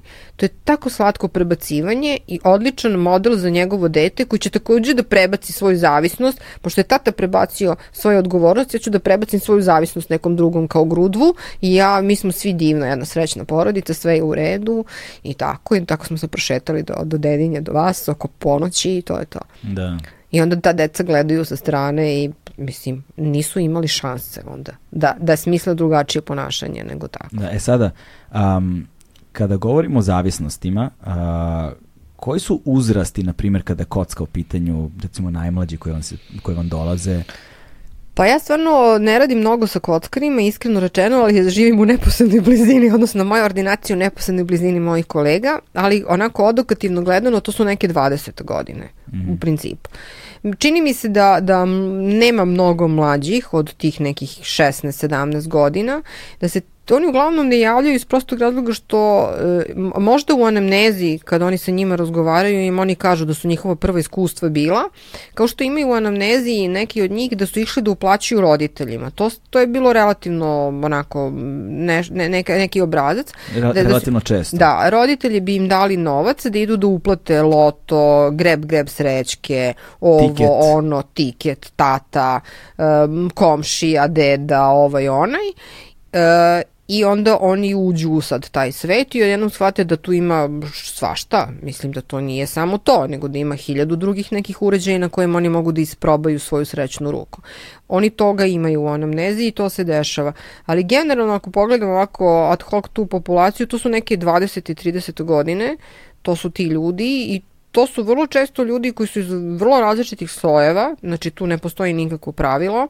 Klasno nije, ne, nije, ne, nema pravila. Ne, nema pravila, ali su uglavnom ljudi koji su u nekom trenutku imali neke svoje prihode, sem ako ne pripadaju onoj baš ozbiljno razmaženoj generaciji koju stalno neko finansira i oni imaju te neke kontinuirane, koliko god da su mali njihovi pri, prihodi, oni ih imaju i u jednom trenutku samo shvatate da njihovi prihodi nestaju.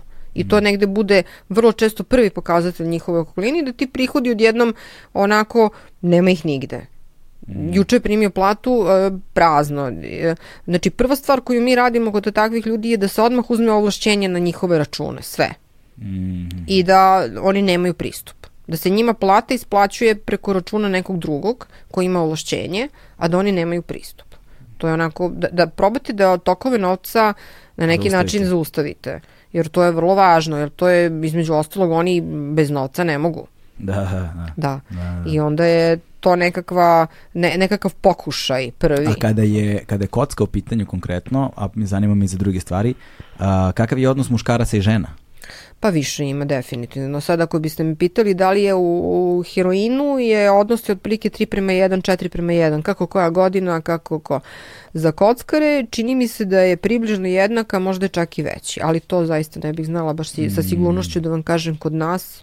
Moram pitati moju koleginicu da li je radila tu verovatno jeste tu um, pred, predispoziciju i sklonost ka kockanju. Ali kod žena mnogih su roditelji bili iz nekog miljeja zavisničkog.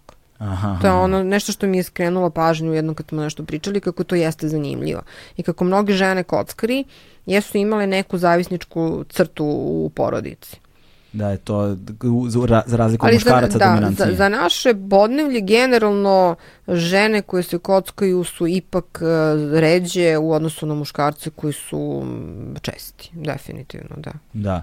Ovaj, e sad, zanima me, a, da li se javljaju roditelji koji imaju problem sa decom Uh, ili, mislim, ili možda se ljudi sami javljaju, to je isto možda zanimljivo fenomen, koji imaju problem sa društvenim mrežama, sa internetom ili pornografijom? Za pornografiju gotovo nikada, vrlo redko. To je na nivou statističke greške, a što se tiče ove, i to će pre neki partner mm. da dođe da se raspita, da shvati da njegov partner sticam okolnosti uđe u njegov kompjuter, telefon i shvati da je pun nekih takvih sadržaja, odnosno pun linkova za takve, za takve mreže i za takve sajtove. Uh, A što se tiče ovog drugog, da, dešava se da roditelji zovu telefonom i da kažu da im se čini da njihovo dete ili dođu lično, njihovo dete igra previše igrica. I onda sad sednemo i tad to treba zaista da rašlanimo. Ja moram da priznam da lično, možda zbog toga što imam u kući, ovaj, odnosno o, kao naslednika osobu koja je gamer, da. ali jedan sofisticirani gamer koji igra neke vrlo Assassin's Creed igre, moram da pomenem, ako ovo bude gledala, bit će ponosna. uh, ja sam to proučavala zbog nekih e, svojih ličnih razloga da bih znala kako to da ograničim, a ograničila sam od početka, a i zbog toga da bih znala e, kako ljudima da pomognem. E, prvo ograničenje sa gamingom počinje onog trenutka kad deca dobiju kompjuter i ograničenje se svodi na to da 45 minuta mogu da igraju i to je to. Naravno, govorim dnevno. uzrastu, dnevno, govorim uzrastu od preko 8 godina. Mm. I a, ako bih to tačno prevela, ne znam da sam to nekada vama pričali ili ne, to obično govorim da e, sam ja bila u savetu roditelja u njenoj osnovnoj školi, inače mojoj bivšoj školi takođe, I da su me onda pitali kako da zaustave svoju decu, ali to je ta generacija koja je bila vrlo vezana za video igre, da ne igraju igre. Ja sam vrlo rekla, vrlo jednostavno, tad su se video igre nalazile na diskovima. Oduzmite im diskove izvucite diskove i mislim nema diskova, nema video igara. Da. I kako da uopšte kaznite vašu decu, pitali su me, pa ja kažem jednostavno, uzmite im ono što najviše vole. Sledećeg dana moja čerka je došla sa prepunom kesom diskova koji su poslali roditelji iz njenog odeljenja većine dece meni na čuvanje jer su oni odlučili da ih pokažnjavaju i rekla je što si mi ispričala na tom roditeljskom sastanku sad me sramota da prođem kroz školu a ja, sam, ja igram uh, Dalmatince a ti meni Laru Croft a ti meni vidiš šta si mi uradila i tako dalje. Ja kažem ja sam samo poslala poruku koja se odnosi i na tebe. Uh, ja sam imala kontrolu nad njenim igrama i imala sam je ceo život nad tim. I moram da priznam da izučavajući gaming generalno kod ljudi sa, sa kojima možete da sarađujete ili imate kontrolu nad njima i oni nad sobom, e, neke igre su vrlo korisne za spaciotemporalnu orijentaciju, to je ustanovljeno, za poboljšanje e, koordinacije vida i očiju takođe za brzu uh, koordinaciju pokreta prstiju, da, takođe. Fina mehanika. Za da. finu mehaniku. Uh, I ako govorimo o nekim igrama koje su, igre su naravno isto čist doping, čist dopamin, ja igram protiv tebe, ja te pobeđujem, naročito kad igram na tim platformama, drugo, ja se sećam, ona je ušla jednog dana kod mene u sobu i rekla, uh, 45. sam, ja kažem, de, pa kaže na platformi za to i to. Ja kažem, i sad je to ti, ti koji treba da doktoriraš, ne znam, nešto tamo, ti ćeš sad meni da pričaš tako nešto, pa kažeš ti ne razumeš što je. Da, da. to je pitanje prestiža u prvih sto. Ja kažem, dobro. Um, konkretno postoje igre gde možete mnogo da naučite. I ja ponekad upadnem u zamku da slušam kako mi ona priča o grčkim ostrovima koje ona naučila igrajući neku igru o istoriji grčkih ostrava. Ja je gledam i kažem, jesi to čitala negde? Ne kaže, to sam videla u igrici, znaš, zaista to tako izgledalo. Ja kažem, ti možda mogla počitaš i neku knjigu, pa kaže, znaš da sam pročitala grčke legende, ali u grčkim legendama nije opisano kako zaista je izgledao, na primer, Knossos. I ja kažem, pa dobro, ali kaže, veruj mi da je tako izgledao u doba Minojaca. Ja kažem, aha, dobro, važi. Šta hoću da kažem? Um, nije svako igranje igara zavisnost, sad ne aboliram svoje dete, Da. Niti je svako igranje igara štetno. Ono može biti korisno u nekom domenu. Ali sve ono što podrazumeva agresiju, uh, sprovođenje bilo kakve torture nad nekim, uh, bilo kakva devalvacija nekog po rasnom, rodnom ili bilo kom nivou, a toga imate mnogo. Da, uh, gamingu baš u gamingu toga baš imate. To je nešto što je zaista neprihvatljivo i ljudi bi trebali da povedu računa. Danas se igraju igre online, ali opet morate da kupite od proizvođača onaj key i tako dalje i da ga platite i oni svi gameri znaju da to negde decembar, januar postoje neki popusti Ubisofta, to je neko ludilo, tad su svi za kompjuterima i kupuju to i dobijaju neke nagrade i upgrade-ove. Um, to se teže kontroliše, ali imate programe koji kontrolišu upotrebu kompjutera, naravno, kod svakoga, pa i kod njih. E, kako se to leči? Teško. Gameri su teški za lečenje, i slabo se javljaju zato što na neki, ja sam imala jednog dečka koji je bio gamer, ali uzimao i marihuanu, pa to više bio razlog zašto su ga doveli, nego što je on bio gamer, a ne da je bio gamer, nego kao da je izašao iz knjige, onako malo bucmast, pa da. um, stereotip, stereotip da, mislim, potpuno onako malo dronja, malo ovakav, malo onakav, sa objašnjenjima da on igra te neke vojne igre, ne mogu više da se setim sa nekim tenkovima, nekim čudima, ne znam kako se zove, Warcraft ili nešto tako, Dobro. sa puno uzbuđenja, ja sam ga gledala i mislila se, e, na kraju sam morala da pitam, postavim pitanje moje bake, ali imaš ti devojku? I onda on rekao, pa nemam. Rekao da je nađeš. Da, da. Mislim da probamo iz te varijante. Ali njih treba lečiti iz prostog razloga što je njima mladost otišla zakovana za te računare u najmanju ruku, a najgore od svega toga što to košta, što imaju poremeće sna, poremeće telesne težine, poremeće vida, oni imaju ozbiljan poremeće vida, I to što su oni možda manuelno spretni ne, ne znači da će oni biti hakeri i IT inženjeri, jer oni nemaju energije za to. Mm. Oni te svoja znanja koje dobiju kroz video igre ne koriste dalje. Oni ih prosto koriste onoliko koliko mogu i onoliko koliko znaju. Tako da od svih zavisnosti moram da priznam da što se tiče gaminga najmanje se ljudi javljaju u Srbiji i pornografije. više se informišu o tome da li je to pornografija i da li je to zavisnost od pornografije i kako se to eventualno leči, nego što su nekada nekoga doveli. Ali bilo je pokušaj da se informišu. Da, a ovaj, a, sad me zanima a, malo substancama da se, da se, da se pozabavimo. Um, čini mi se ovaj, to je pretpostavljam na osnovu ono, i, i ličnih iskustava i, i, i posmatranja jel te sveta oko sebe poslednjih, ne znam, ono, deseta godina, na primer, ovaj, da su, dakle, amfetamini, metamfetamini i tako dalje u strahovitom porastu, ovaj, prevashodno kokain, čini mi se, ovaj speed verovatno i sad ne znam, pretpostavio bih još nekoliko substanci. Zanima me do, dokle šta kažu zvanične statistike? Ali ima neki zvanični statistika? Ima, oni, oni podataka? to, oni to, ja sam rekla sam samo ono za UNODC je izašao sa tojim podatkom samo za Afriku. A govorim za nas ovde. A za nas ovde ne postoji, mi smo nekako dosta zemlja koja, e, koja je problem da organizuje jedno, jedno e, istraživanje, ja sad ne mogu da kažem da je to možda nije da branim establishment, ali je bila korona i verovatno ih je to na neki način omelo. Statistike su inače pre nego što je to sa koronom počelo, ali tamo negde čini mi se 2017 možda godine, kad je rađeno jedno veliko nacionalno istraživanje o stilovima života, rekli da je da negde oko svega 19% mladih ljudi i adolescenata je imalo neko iskustvo sa psihoaktivnim substancom. To je ozbiljna manjina. Um, I ono što je zanimljivo, ali mi nikad ne verujemo baš tim statističkim podacima da na pitanje koje su substance konzumirali, oni jesu navodili da su konzumirali kanabis na prvom mestu, amfetamine, ekstazi, dok se opijati nalaze, što je logično u tom uzrastu, na nekom od pretposlednjih mesta i malte ne dela isto mesto kao i kokain. A ko je to uzrast? To je uzrast od 16 godina, čini mi se da je bio od 16 do, do da, 24 ili okay. do, da, da, to je da, taj uzrast. Da. A, dalje iza toga, ja mislim da je to radio Batut zajedno sa, ne znam kim još, opet pokroviteljstvo Ministarstva zdravlja i to je bilo neko sveobuhvatno izraživanje. Drugih izraživanja kod nas u tom smislu nema. Mm. Ima priče i pokušaje da se scena u Beogradu, naročito VIP scena, proglasi kokainskom, amfetaminskom i Da li je to sada odokativna metoda gde ljudi procenjuju koji mnogo izlaze ili prate ili se druže sa takvim osobama da je to u porastu ili nije?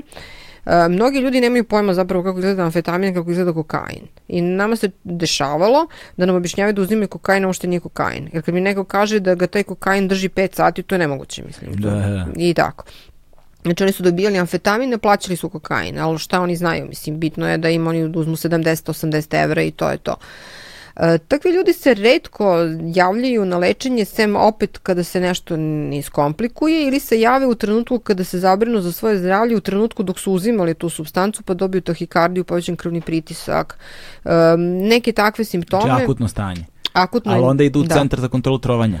Pa ne, oni dođu kod nas jer to nikad nije tako dramatično. Da. Redko budu, naravno, ako se baš desi da dobiju neki infarkt ili slično poslati kod njih, ali to je ređe.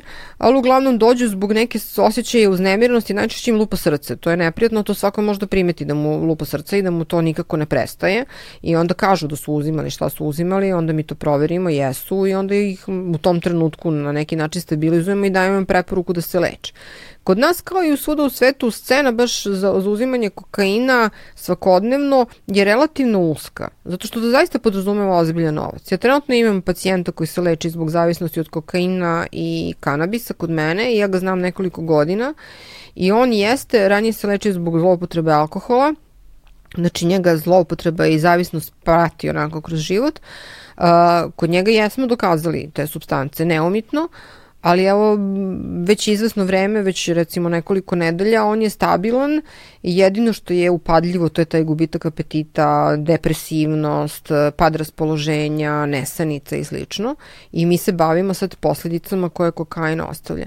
Ako biste me pitali da li je to zaista više nego što je bilo ranije godina, ja lično nemam takav utisak. Meni se mm. samo čini da je stigma nad uzimanjem tih substanci postala manja. Mm da, da. Moguće. I da um, je to uzimanje, imamo i onaj tužni primer Spličanina koji je preminuo u Beogradu zbog zloupotrebe određenih psihoaktivnih substanci u, u, kod nas u kafićima. Ovaj, ma, Matej. Matej, da. da. I uh, to samo ukazuje da vi kad čitate prosto kao novinar ili kao radoznalo biće da se to dešava sve, sve vreme u nekom klubu se uzima to. I to od prike malta ne za stolom. I onda stvarno sebi postavite pitanje je li to moguće? I kažete da je moguće. Jer ja sam pitala mnoge svoje pacijente oni su rekli da, bez problema. Onda sam pitala u krajnjoj liniji neke vrlo bliske osobe koji su mi rekli da su im nuđene ono, na različitim žurkama uh, koje su javne žurke sasvim mirno različite vrste substanca zajedno sa šotovima i sa sličnim stvarima i sa rečenicom da će platiti posle i sa sličnim ovaj, nus pojavama. I onda verovatno postoji negde jedna interesna grupa koja na takvim mestima distribuira određenu vrstu psihoaktivnih substanci, u ovom slučaju tih psihoaktivnih substanci sa željom da regrutuje uh, klijentelo. Da. A, a ne postoji tako strašna uh, tortura ako se kod nekog to pronađe. Da, da, to znači normatizovano je u velikoj da. meri, normalizovano, znači da. u velikoj meri i time destigmatizovano i postalo društveno prihvatljivo, ali zanimljiv je podatak da zapravo nije toliko prisutnije u odnosu na ranije godine, nego da, da je to negde konstantna, samo je nekako... Pa ako bismo se oslonili na podatke svetske zdravstvene, odnosno njihovih e, tela, to, to stagnira, to stoji negde, sem kažem u toj Africi, ali ne znam sad trenutno podatke kakve bi bili za Evropu, ali u principu pre nekoliko godina je bio porast u jednom trenutku amfetamina i ekstazija i onda je to stalo na tih između 30 i 20 miliona um, uživalaca na godišnjem nivou u čitavom svetu. To, je, mm. to su neke brojke. Za ekstazi oko 20 miliona, 21 milion je za kokain, blizu 30 miliona kako od koje godine bude za amfetamine. Između 30 i 20 miliona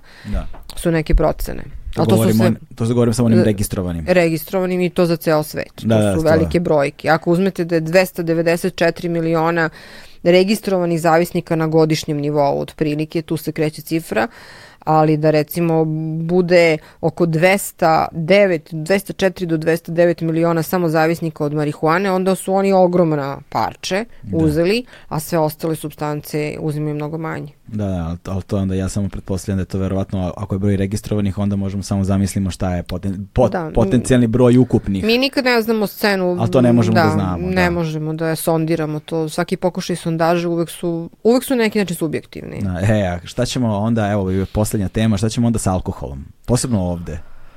Joj, pa ne znam, mislim, ovaj, uh, mi, mi se zalažemo za to što se zove uh, pre svega zabrana reklamiranja, ako može, svih alkoholnih pića, uključujući i pivo. Mm -hmm. Zato što je to jedna poruka koja je takva tako skročena i napravljena da je to super, samo da smislimo da li je jelen trčao kroz planinu ili je tata zagrlio sina ili je mislim šta je već bilo, ka, kakva tema.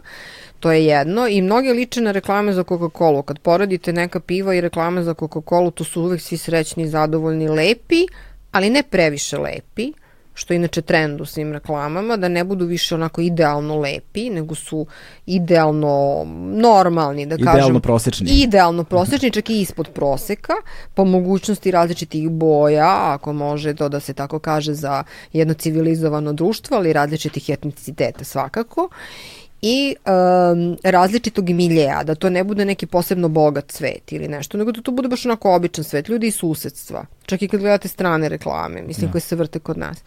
Ako može da se prestane reklamiranje, bilo bi odlično i da se negde uh, naše ideje, mi ćemo to da uradimo za Beer Fest, da ćemo napraviti jedan štand i tu ćemo razgovarati sa svima koji su zainteresovani uh, o takozvanom odgovornom pijenju. Znači, pijemo onoliko koliko moj organizam može za neko vreme da obradi, a da ne stignem na preko 2,5 promila, jer sve preko 2,5 promila je već ozbiljno pijanstvo.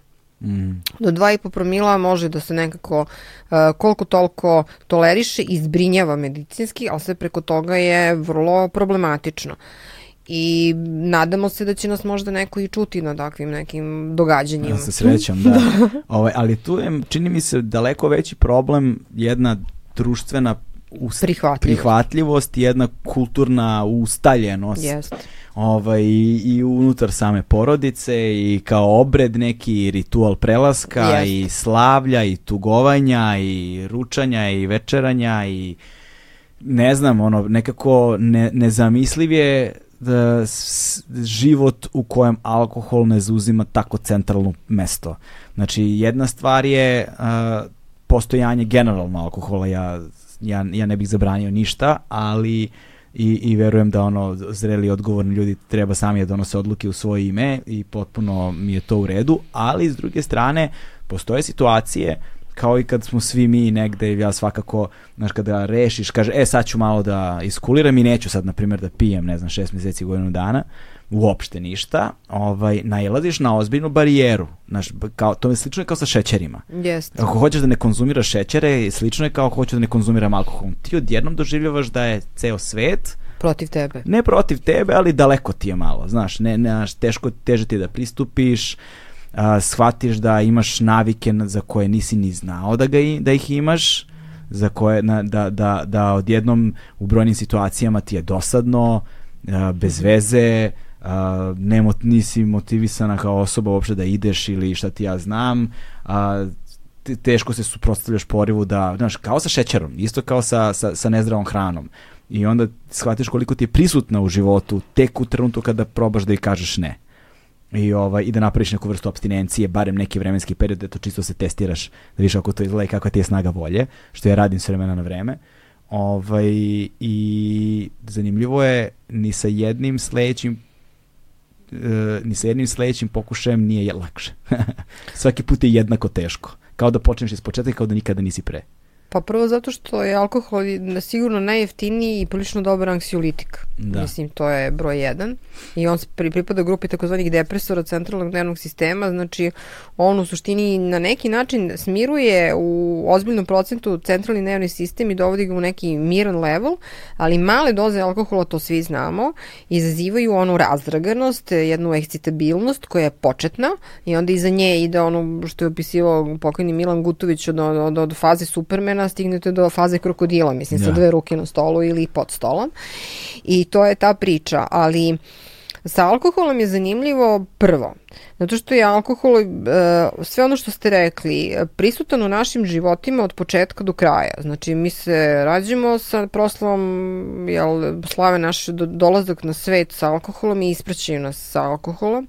Da li to tako mora i da li to jeste, u mnogim društvima jeste prisutno, to je tačno. Uh, onda ima uvek e, jedan, e, te nije osuđujući, ali daj, zar zaista ne piješ alkohol? U krajnjoj liniji kad uđete u bilo koju srpsku kuću, prvo pitanje je šta ćeš da piješ. Da. Imam, da. I onda kreće na branje, imam to, imam to, imam domaću rak, imam moje, hoćeš možda vino, hoćeš, redko, pita vas neko hoćeš kafu, ali što dobro, hoćeš kafu, ali šta ćeš da piješ? Da. Mislim, dobro, to, to, je, to je standardno pitanje, pre nego šta ćeš da jedeš. Mm. Mislim, a šta ćeš da piješ to mora ili šta ćemo da pijemo kad sednemo negde i ko ćemo koktel da probamo i tako. I sad ja moram da kažem da e, alkohol između ostalog, sem što ima taj anksiolitički moment, kao i cigarete donekle, ima nešto što se zove imanirizam. Znači vi kad uzmete tu čašu, ako ste i ole neki estete imate da uživate, pa kad gledate to piće, pa još ako je taj koktel, pa ako su vam ga tako nešto ukrasili, pa je onako super, pa to sve tako izgleda dobro, i ako su ga dobro napravili, pa vi možete u tome da uživate, mhm. stvarno. Da. Stvarno možete, nije da ne možete. Mislim, ne možemo sada da se lažemo, pa ne bi toliki ljudi to uradili, da to nije prijatno. Jest. Može i, e, ima, imate ljude koji su naviknuti da kad sede negde drže čašu u ruci, ko što su naviknuti da kad puše imaju čitav taj manir, paljenja cigarete i sve ostalo.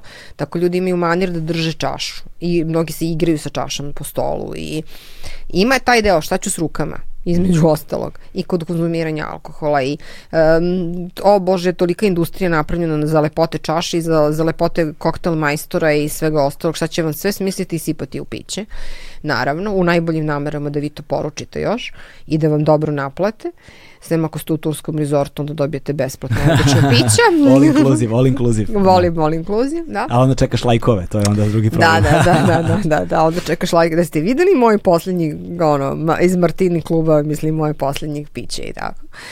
No dobro, ali sem toga ima još jedna stvar. Uh, vi kad kažete odlučio sam da ne pijem, ovi sednete u društvu, ali onda onako pokrenu budu pomalo podsmešljivi. Da. I onda ako ste vi naviknuti da budete tonirani tim alkoholom, bez obzira da je to jedno pivo, ovo je, to je ono što ste vi rekli, ja sad više nemam taj osjećaj raspoloženja, znači sad imam dosadu. Mislim, stvari sve što nije zanimljivo da sedim sa njima. Mm. Možda mi je bilo zanimljivo dok smo pili, a sad mi više nije zanimljivo. Zapravo dosadno mi je, mislim, glupo je, kao šta, ništa se ne dešava.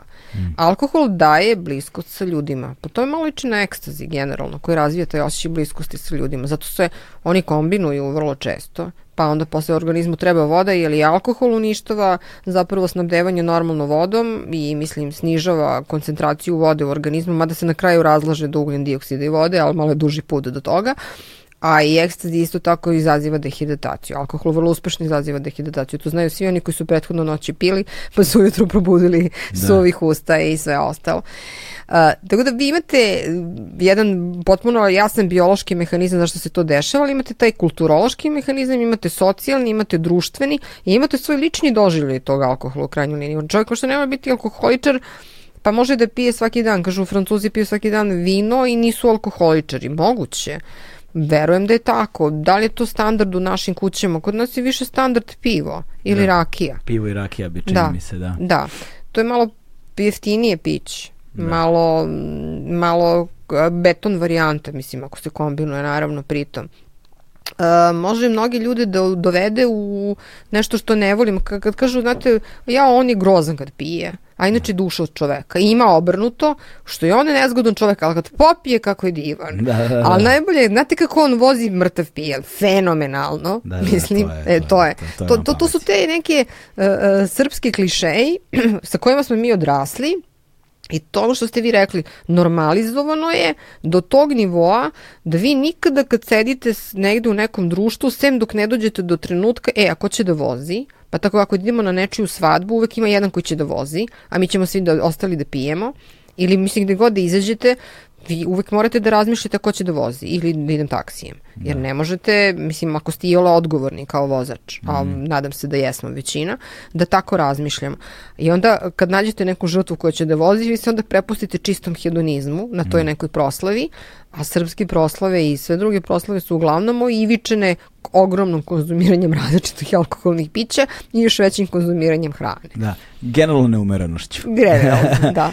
generalno neumerenošću. Zanimljivo je da ljudi koji su zavisnici od alkohola zapravo ne smiju da prestanu naglo da piju. Da.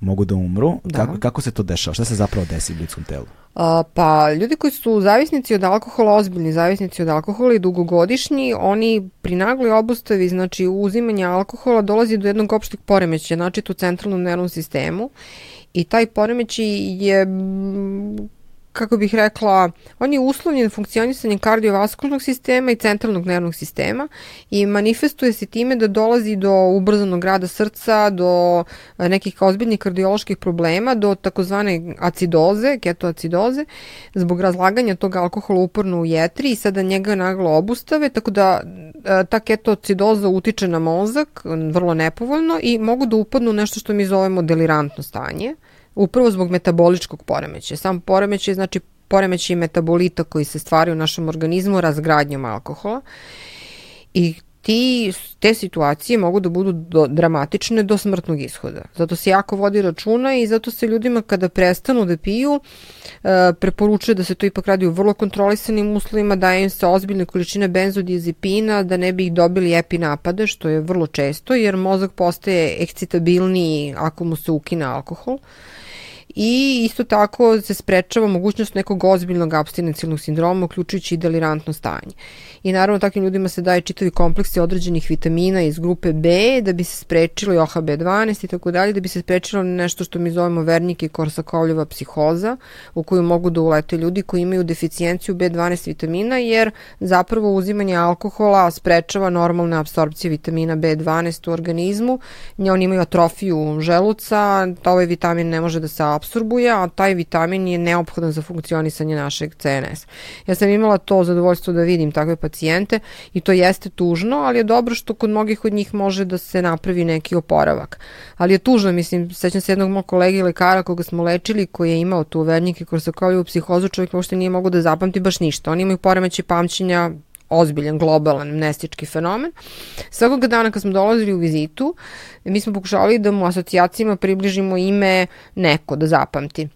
I ga vodila moja koleginica koja se zvala Jelena i pošto je bio obrazovan čovek i znao Andrića, mi smo ga svako jutro pitali kako se zove njegov lekar. I on bi svako jutro rekao gospođica. Da. ovaj, kako je on danas? Pa nadam se dobro, nisam ga videla jedno 20 godina. A, dobro, dobro, znači dav, davno, davno, je, davno je bilo, davno da. bilo, ali kao u tom periodu dostigao neki oporavak. Da, leže ozbiljno i dugo u bolnici. Da. Ozbiljno i dugo, da. Da, naš, e sada koliko uh, su takve stvari nasledne? Mm -hmm. U mhm. smislu, ovaj, ukoliko ste imali alkoholičara u porodici koja je, ne znam, preminuo od alkohola, ovaj, a da to, na primjer, niste ni znali. Da li postoji Da ono neki... Jesu. Za alkoholizam je utvrđeno da jeste na neki način nasledna bolest ili bolje rečeno ustanovljene na nekim genima. Šta to znači? Kako, kako to funkcioniše? Uh, ustanovljeno je da nekim genima, da se neki geni, kako mi to kažemo, ekspresija gena. To tako zvuči ovaj, strašno komplikovano. U stvari ekspresija gena znači da ti geni su odgovorni za proizvodnju nekih proteina koji u našem organizmu rade neke ozbiljne stvari, uključujući stvari koje su vezane za naše ponašanje, biohemijski mehanizam, ali je ekspresija gena ili ispoljavanje gena, kako bi se to reklo. E pa sad, neki imaju udruženost ekspresije nekih gena veću nego drugi ljudi kod kojih su roditelji ili bliski članovi porodice bili zavisnici od alkohola. I to jeste, to je jedina bolest zavisnosti za koju utvrđeno nedvosmisleno da postoji genetska predispozicija, ali to ne znači predispozicija, ne znači sigurnost, Ali zato mi vrlo često i pod obavezno pitamo da li ste imali u porodici nekog ko je pre svega bio zavisnik od alkohola, jer to može da implicira sklonosti ka drugim zavisnostima, makar u behavioralnom smislu. I pitamo naravno da li su imali neka psihijatrijska opterećenja, zato što se nekada iza nekih psihijatrijskih bolesti, zapravo, na primjer, neke depresije mogli isto tako da krije uh, na primer alkoholizam i obrnuto, da ljudi izvrše suicid zbog alkoholizma, a da se u porodici pričalo da su izvršili suicid zbog, ne znam, teške ljubavi ili neke međe ili neke njive ili nečeg tako. Jasno, jasno, da, da, to je, to je nažalost. Koliko uh, je veliki broj uh, ljudi koji se leče od alkohola u samoj bolnici? Sprem, u veliki, odnosu, da. U, u odnosu na ostale?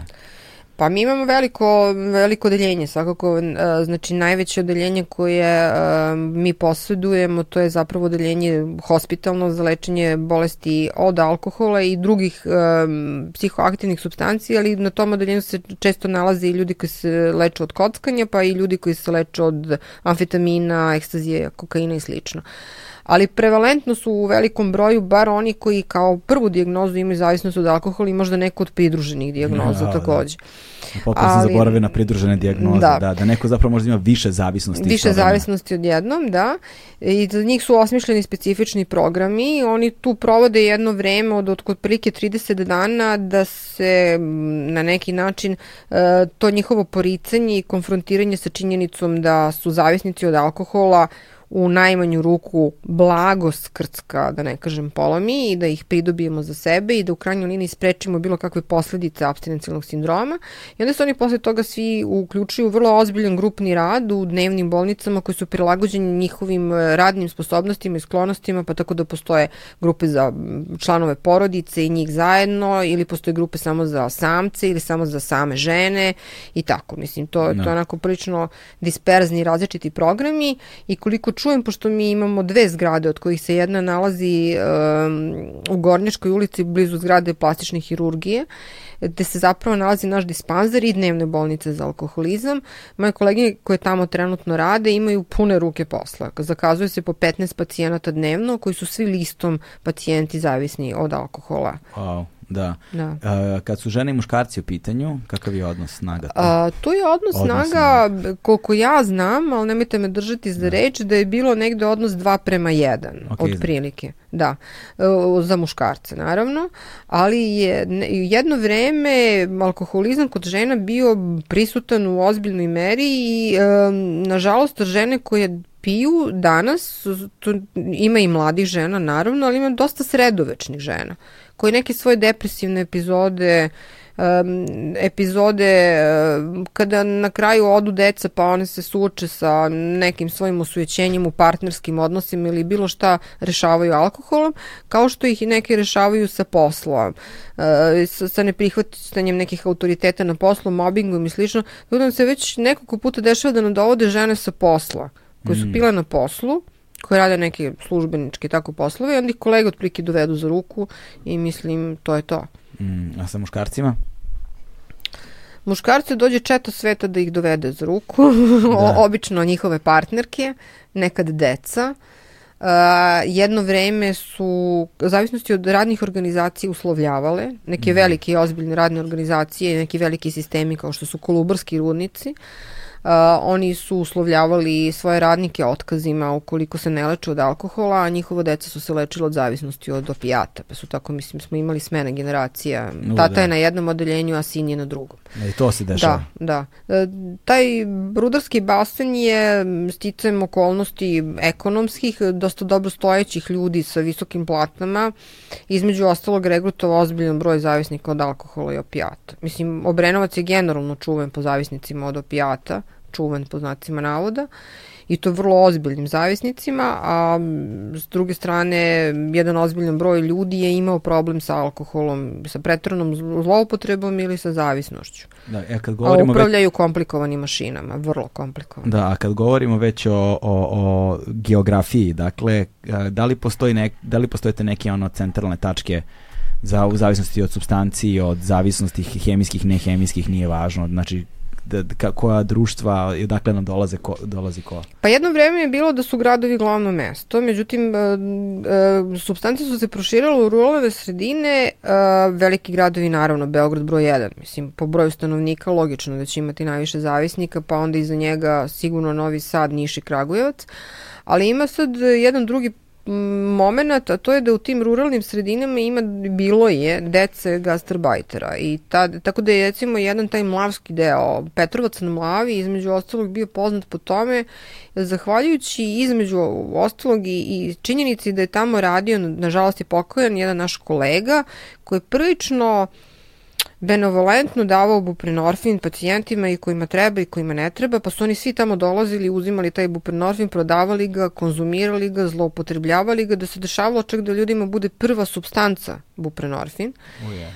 Tako da je to bilo malo jetrogenizovana sredina, a generalno je to sredina, taj Laški kraj, on je malo poznat po ozbiljnom novcu koji naši gastarbajteri ulažu u, u još uvek svoje korene i još uvek dovode i svoju decu ili unuke i nekad neki i ostanu na tim imanjima da nešto kao rade, vode neki biznis i slično i oni su sjajna meta za konzumiranje psihoaktivnih substanci, mada je sporadično naravno javljaju se zavisnosti od, od bogatstva kraja, iskreno rečeno. Da. Znači ako me pitate da li ima puno ljudi iz Pirotskog kraja, pa ne, Mm. iskreno.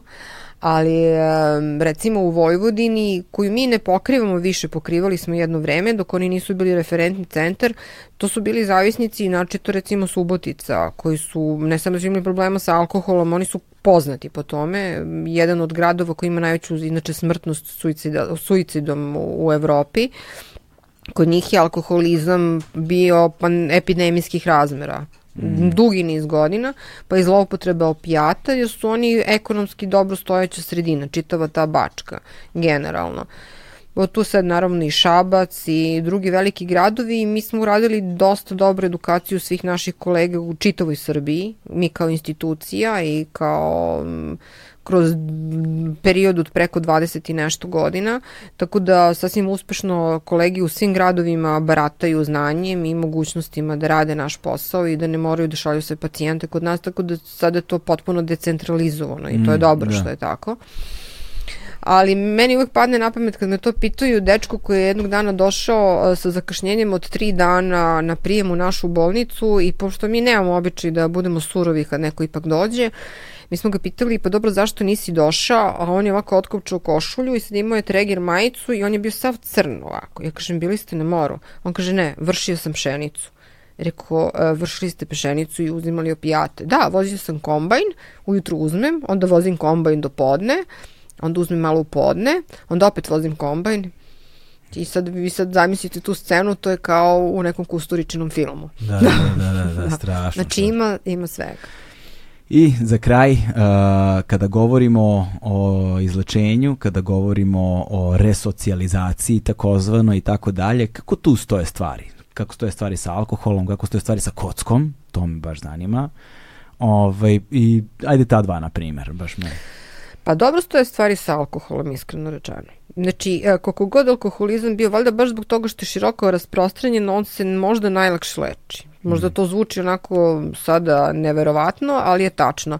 Ljudi koji konzumiraju alkohol su vrlo često mogu biti dobro očuvani. Ne moraju, ako dođu u nekom dobrom trenutku ili prilično poželjnom trenutku, e, ja sam imala zadovoljstvo da gledam mnoge mlade ljude koji su dolazili sa tim čuvenim mornarskim hodom, ne zato što su bili pijani, nego toliko su im propali e, nervi na nogama da su imali taj kako mi to zovemo, hod na široj osnovi, pa smo ih oporavljali nekim silnim koktelima, vitamina i slično.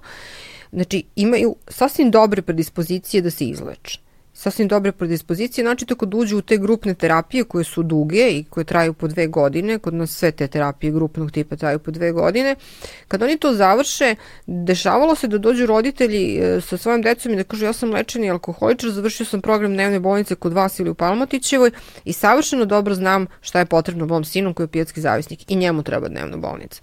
I vrlo često su u pravu što se toga tiče. Mm. Što se tiče zavisnika od kost, oni takođe prolaze taj jedan intenzivni tretman, pa onda dnevne bolnice i slično sa njima je malo veći problem zato što zavisnike od alkohola možete da lečite između ostalog postoji neka vrsta antidota ili sredstva koje ne pravi antidot, to je zapravo sredstvo u formi leka koje osoba uzima i preko toga ne može da uzme alkohol, to jest može, ali neka. kao neka vrsta blokatora, ali ćete vi videti da on je po crvenu licu, da ima visok pritisak i slično, znači ne može baš tako uspešno da sakrije konzumiranje alkohola. Za kocku vi to nemate. Za kocku se sve svodi na behavior behavioralno na ponašanje, na to da vidite da li ta osoba prestala da se kocka ili nije prestala. Ako su to osobe koje su spremne da se menjaju, a neki od njih jesu, i ako imaju dobar network, porodični, onda su šanse jako dobre. Jer su to uglavnom ipak, ipak se to javlja ljudi do 40 godina. Redko su to osobe koje su ozbiljnije starije i ozbiljno izmenjene i na njih ipak možete da utičete uh, na nekim tim terapijama, a pre svega možete da utičete jednom dobrom saradnjom sa njihovim članima porodice koji su nezaobilazni deo i u lečenju alkoholičara i u lečenju kockara. A što se tiče zavisnika od opijata koji takođe prolaze programe dnevnih bolnica, e, u tim programima se regrutuju samo oni koji imaju takve članove porodice, a takvih je sve manje. Današnji zavisnici od opijata ne samo da su izvesni godinama kada dođu ozbiljno da se leče, oni propuste jedno sedam godina u proseku mm. pre nego što dođu da se leče, nego i ovi mladi koji se leče imaju neozbiljne saradnike u najmanju ruku. Da, šta je sa onima koji su sami? I za njih postoje programi, naravno, bez ikakvih problema mogu da se uključe, samo su njihove šanse, nažalost, mi onda i kod njih jurimo neke saradnike, neku braću, neke sestre, neke prijatelje, neke poslodavce. Nije tako redko da su se poslodavci uključivali, hmm. koji su bili zainteresovani, da se njihovi, zakažu, on je odličan radnik. Da. Bez obzira što radi taj čovek i ja hoću da mu pomognem. I hmm. to se dešavalo, ja sam imala mnogo slučajeva, imala sam jednog dečka, nikad ću zaboraviti, njemu je to njegov poslodavac stvarno dao šansu, kaže on je fenomenalan radnik. I ja stvarno hoću da ga vratim ali mislim ono ko pije strašno ili kaže drogira se doktor kako zver mislim ono užas da. Da, Tako da. nekad ljudi cene dobrog majstora ili dobrog, uh, najgore kad je neko konobar, a odličan konobar, da treba da prestane da pije. To ne biva, mislim, tu mora da promeni posao. To mora promeniti Da. zanimanje, da, da, da, da, da, to je, mislim da su oni visokorizična grupa. Jesu. Da, konobari, kuvari, ne znam, znaš, ima ih tu, ono, Ima menadžeri, da. menadžeri, da, u bankama i U to. bankama jeste, mada ima i među advokatima i među da... Da, neverovatno. Hvala vam, hvala, hvala puno na vremenu, na razgovoru, uspeli smo da se ukačimo u ovom trenutku, nadamo se da, nadam se da ćemo se družiti još ovaj, na različite teme. A, Miloš kad nam se vrati sa puta, možda napravimo jednu zajedničku Da. epizodu kao što smo planirali u vezi sa mnogim drugim stvarima. Ovaj, hvala na ovom jednom lepom pregledu zapravo stvari, ovaj, nadam se da će mnogima biti od koristi a, i to je to, stigli smo do kraja. Hvala vam. Bili Hvala. ste divan sagovornik, kao i Hvala. uvek. Hvala, hvala, to je to, ćao, čao.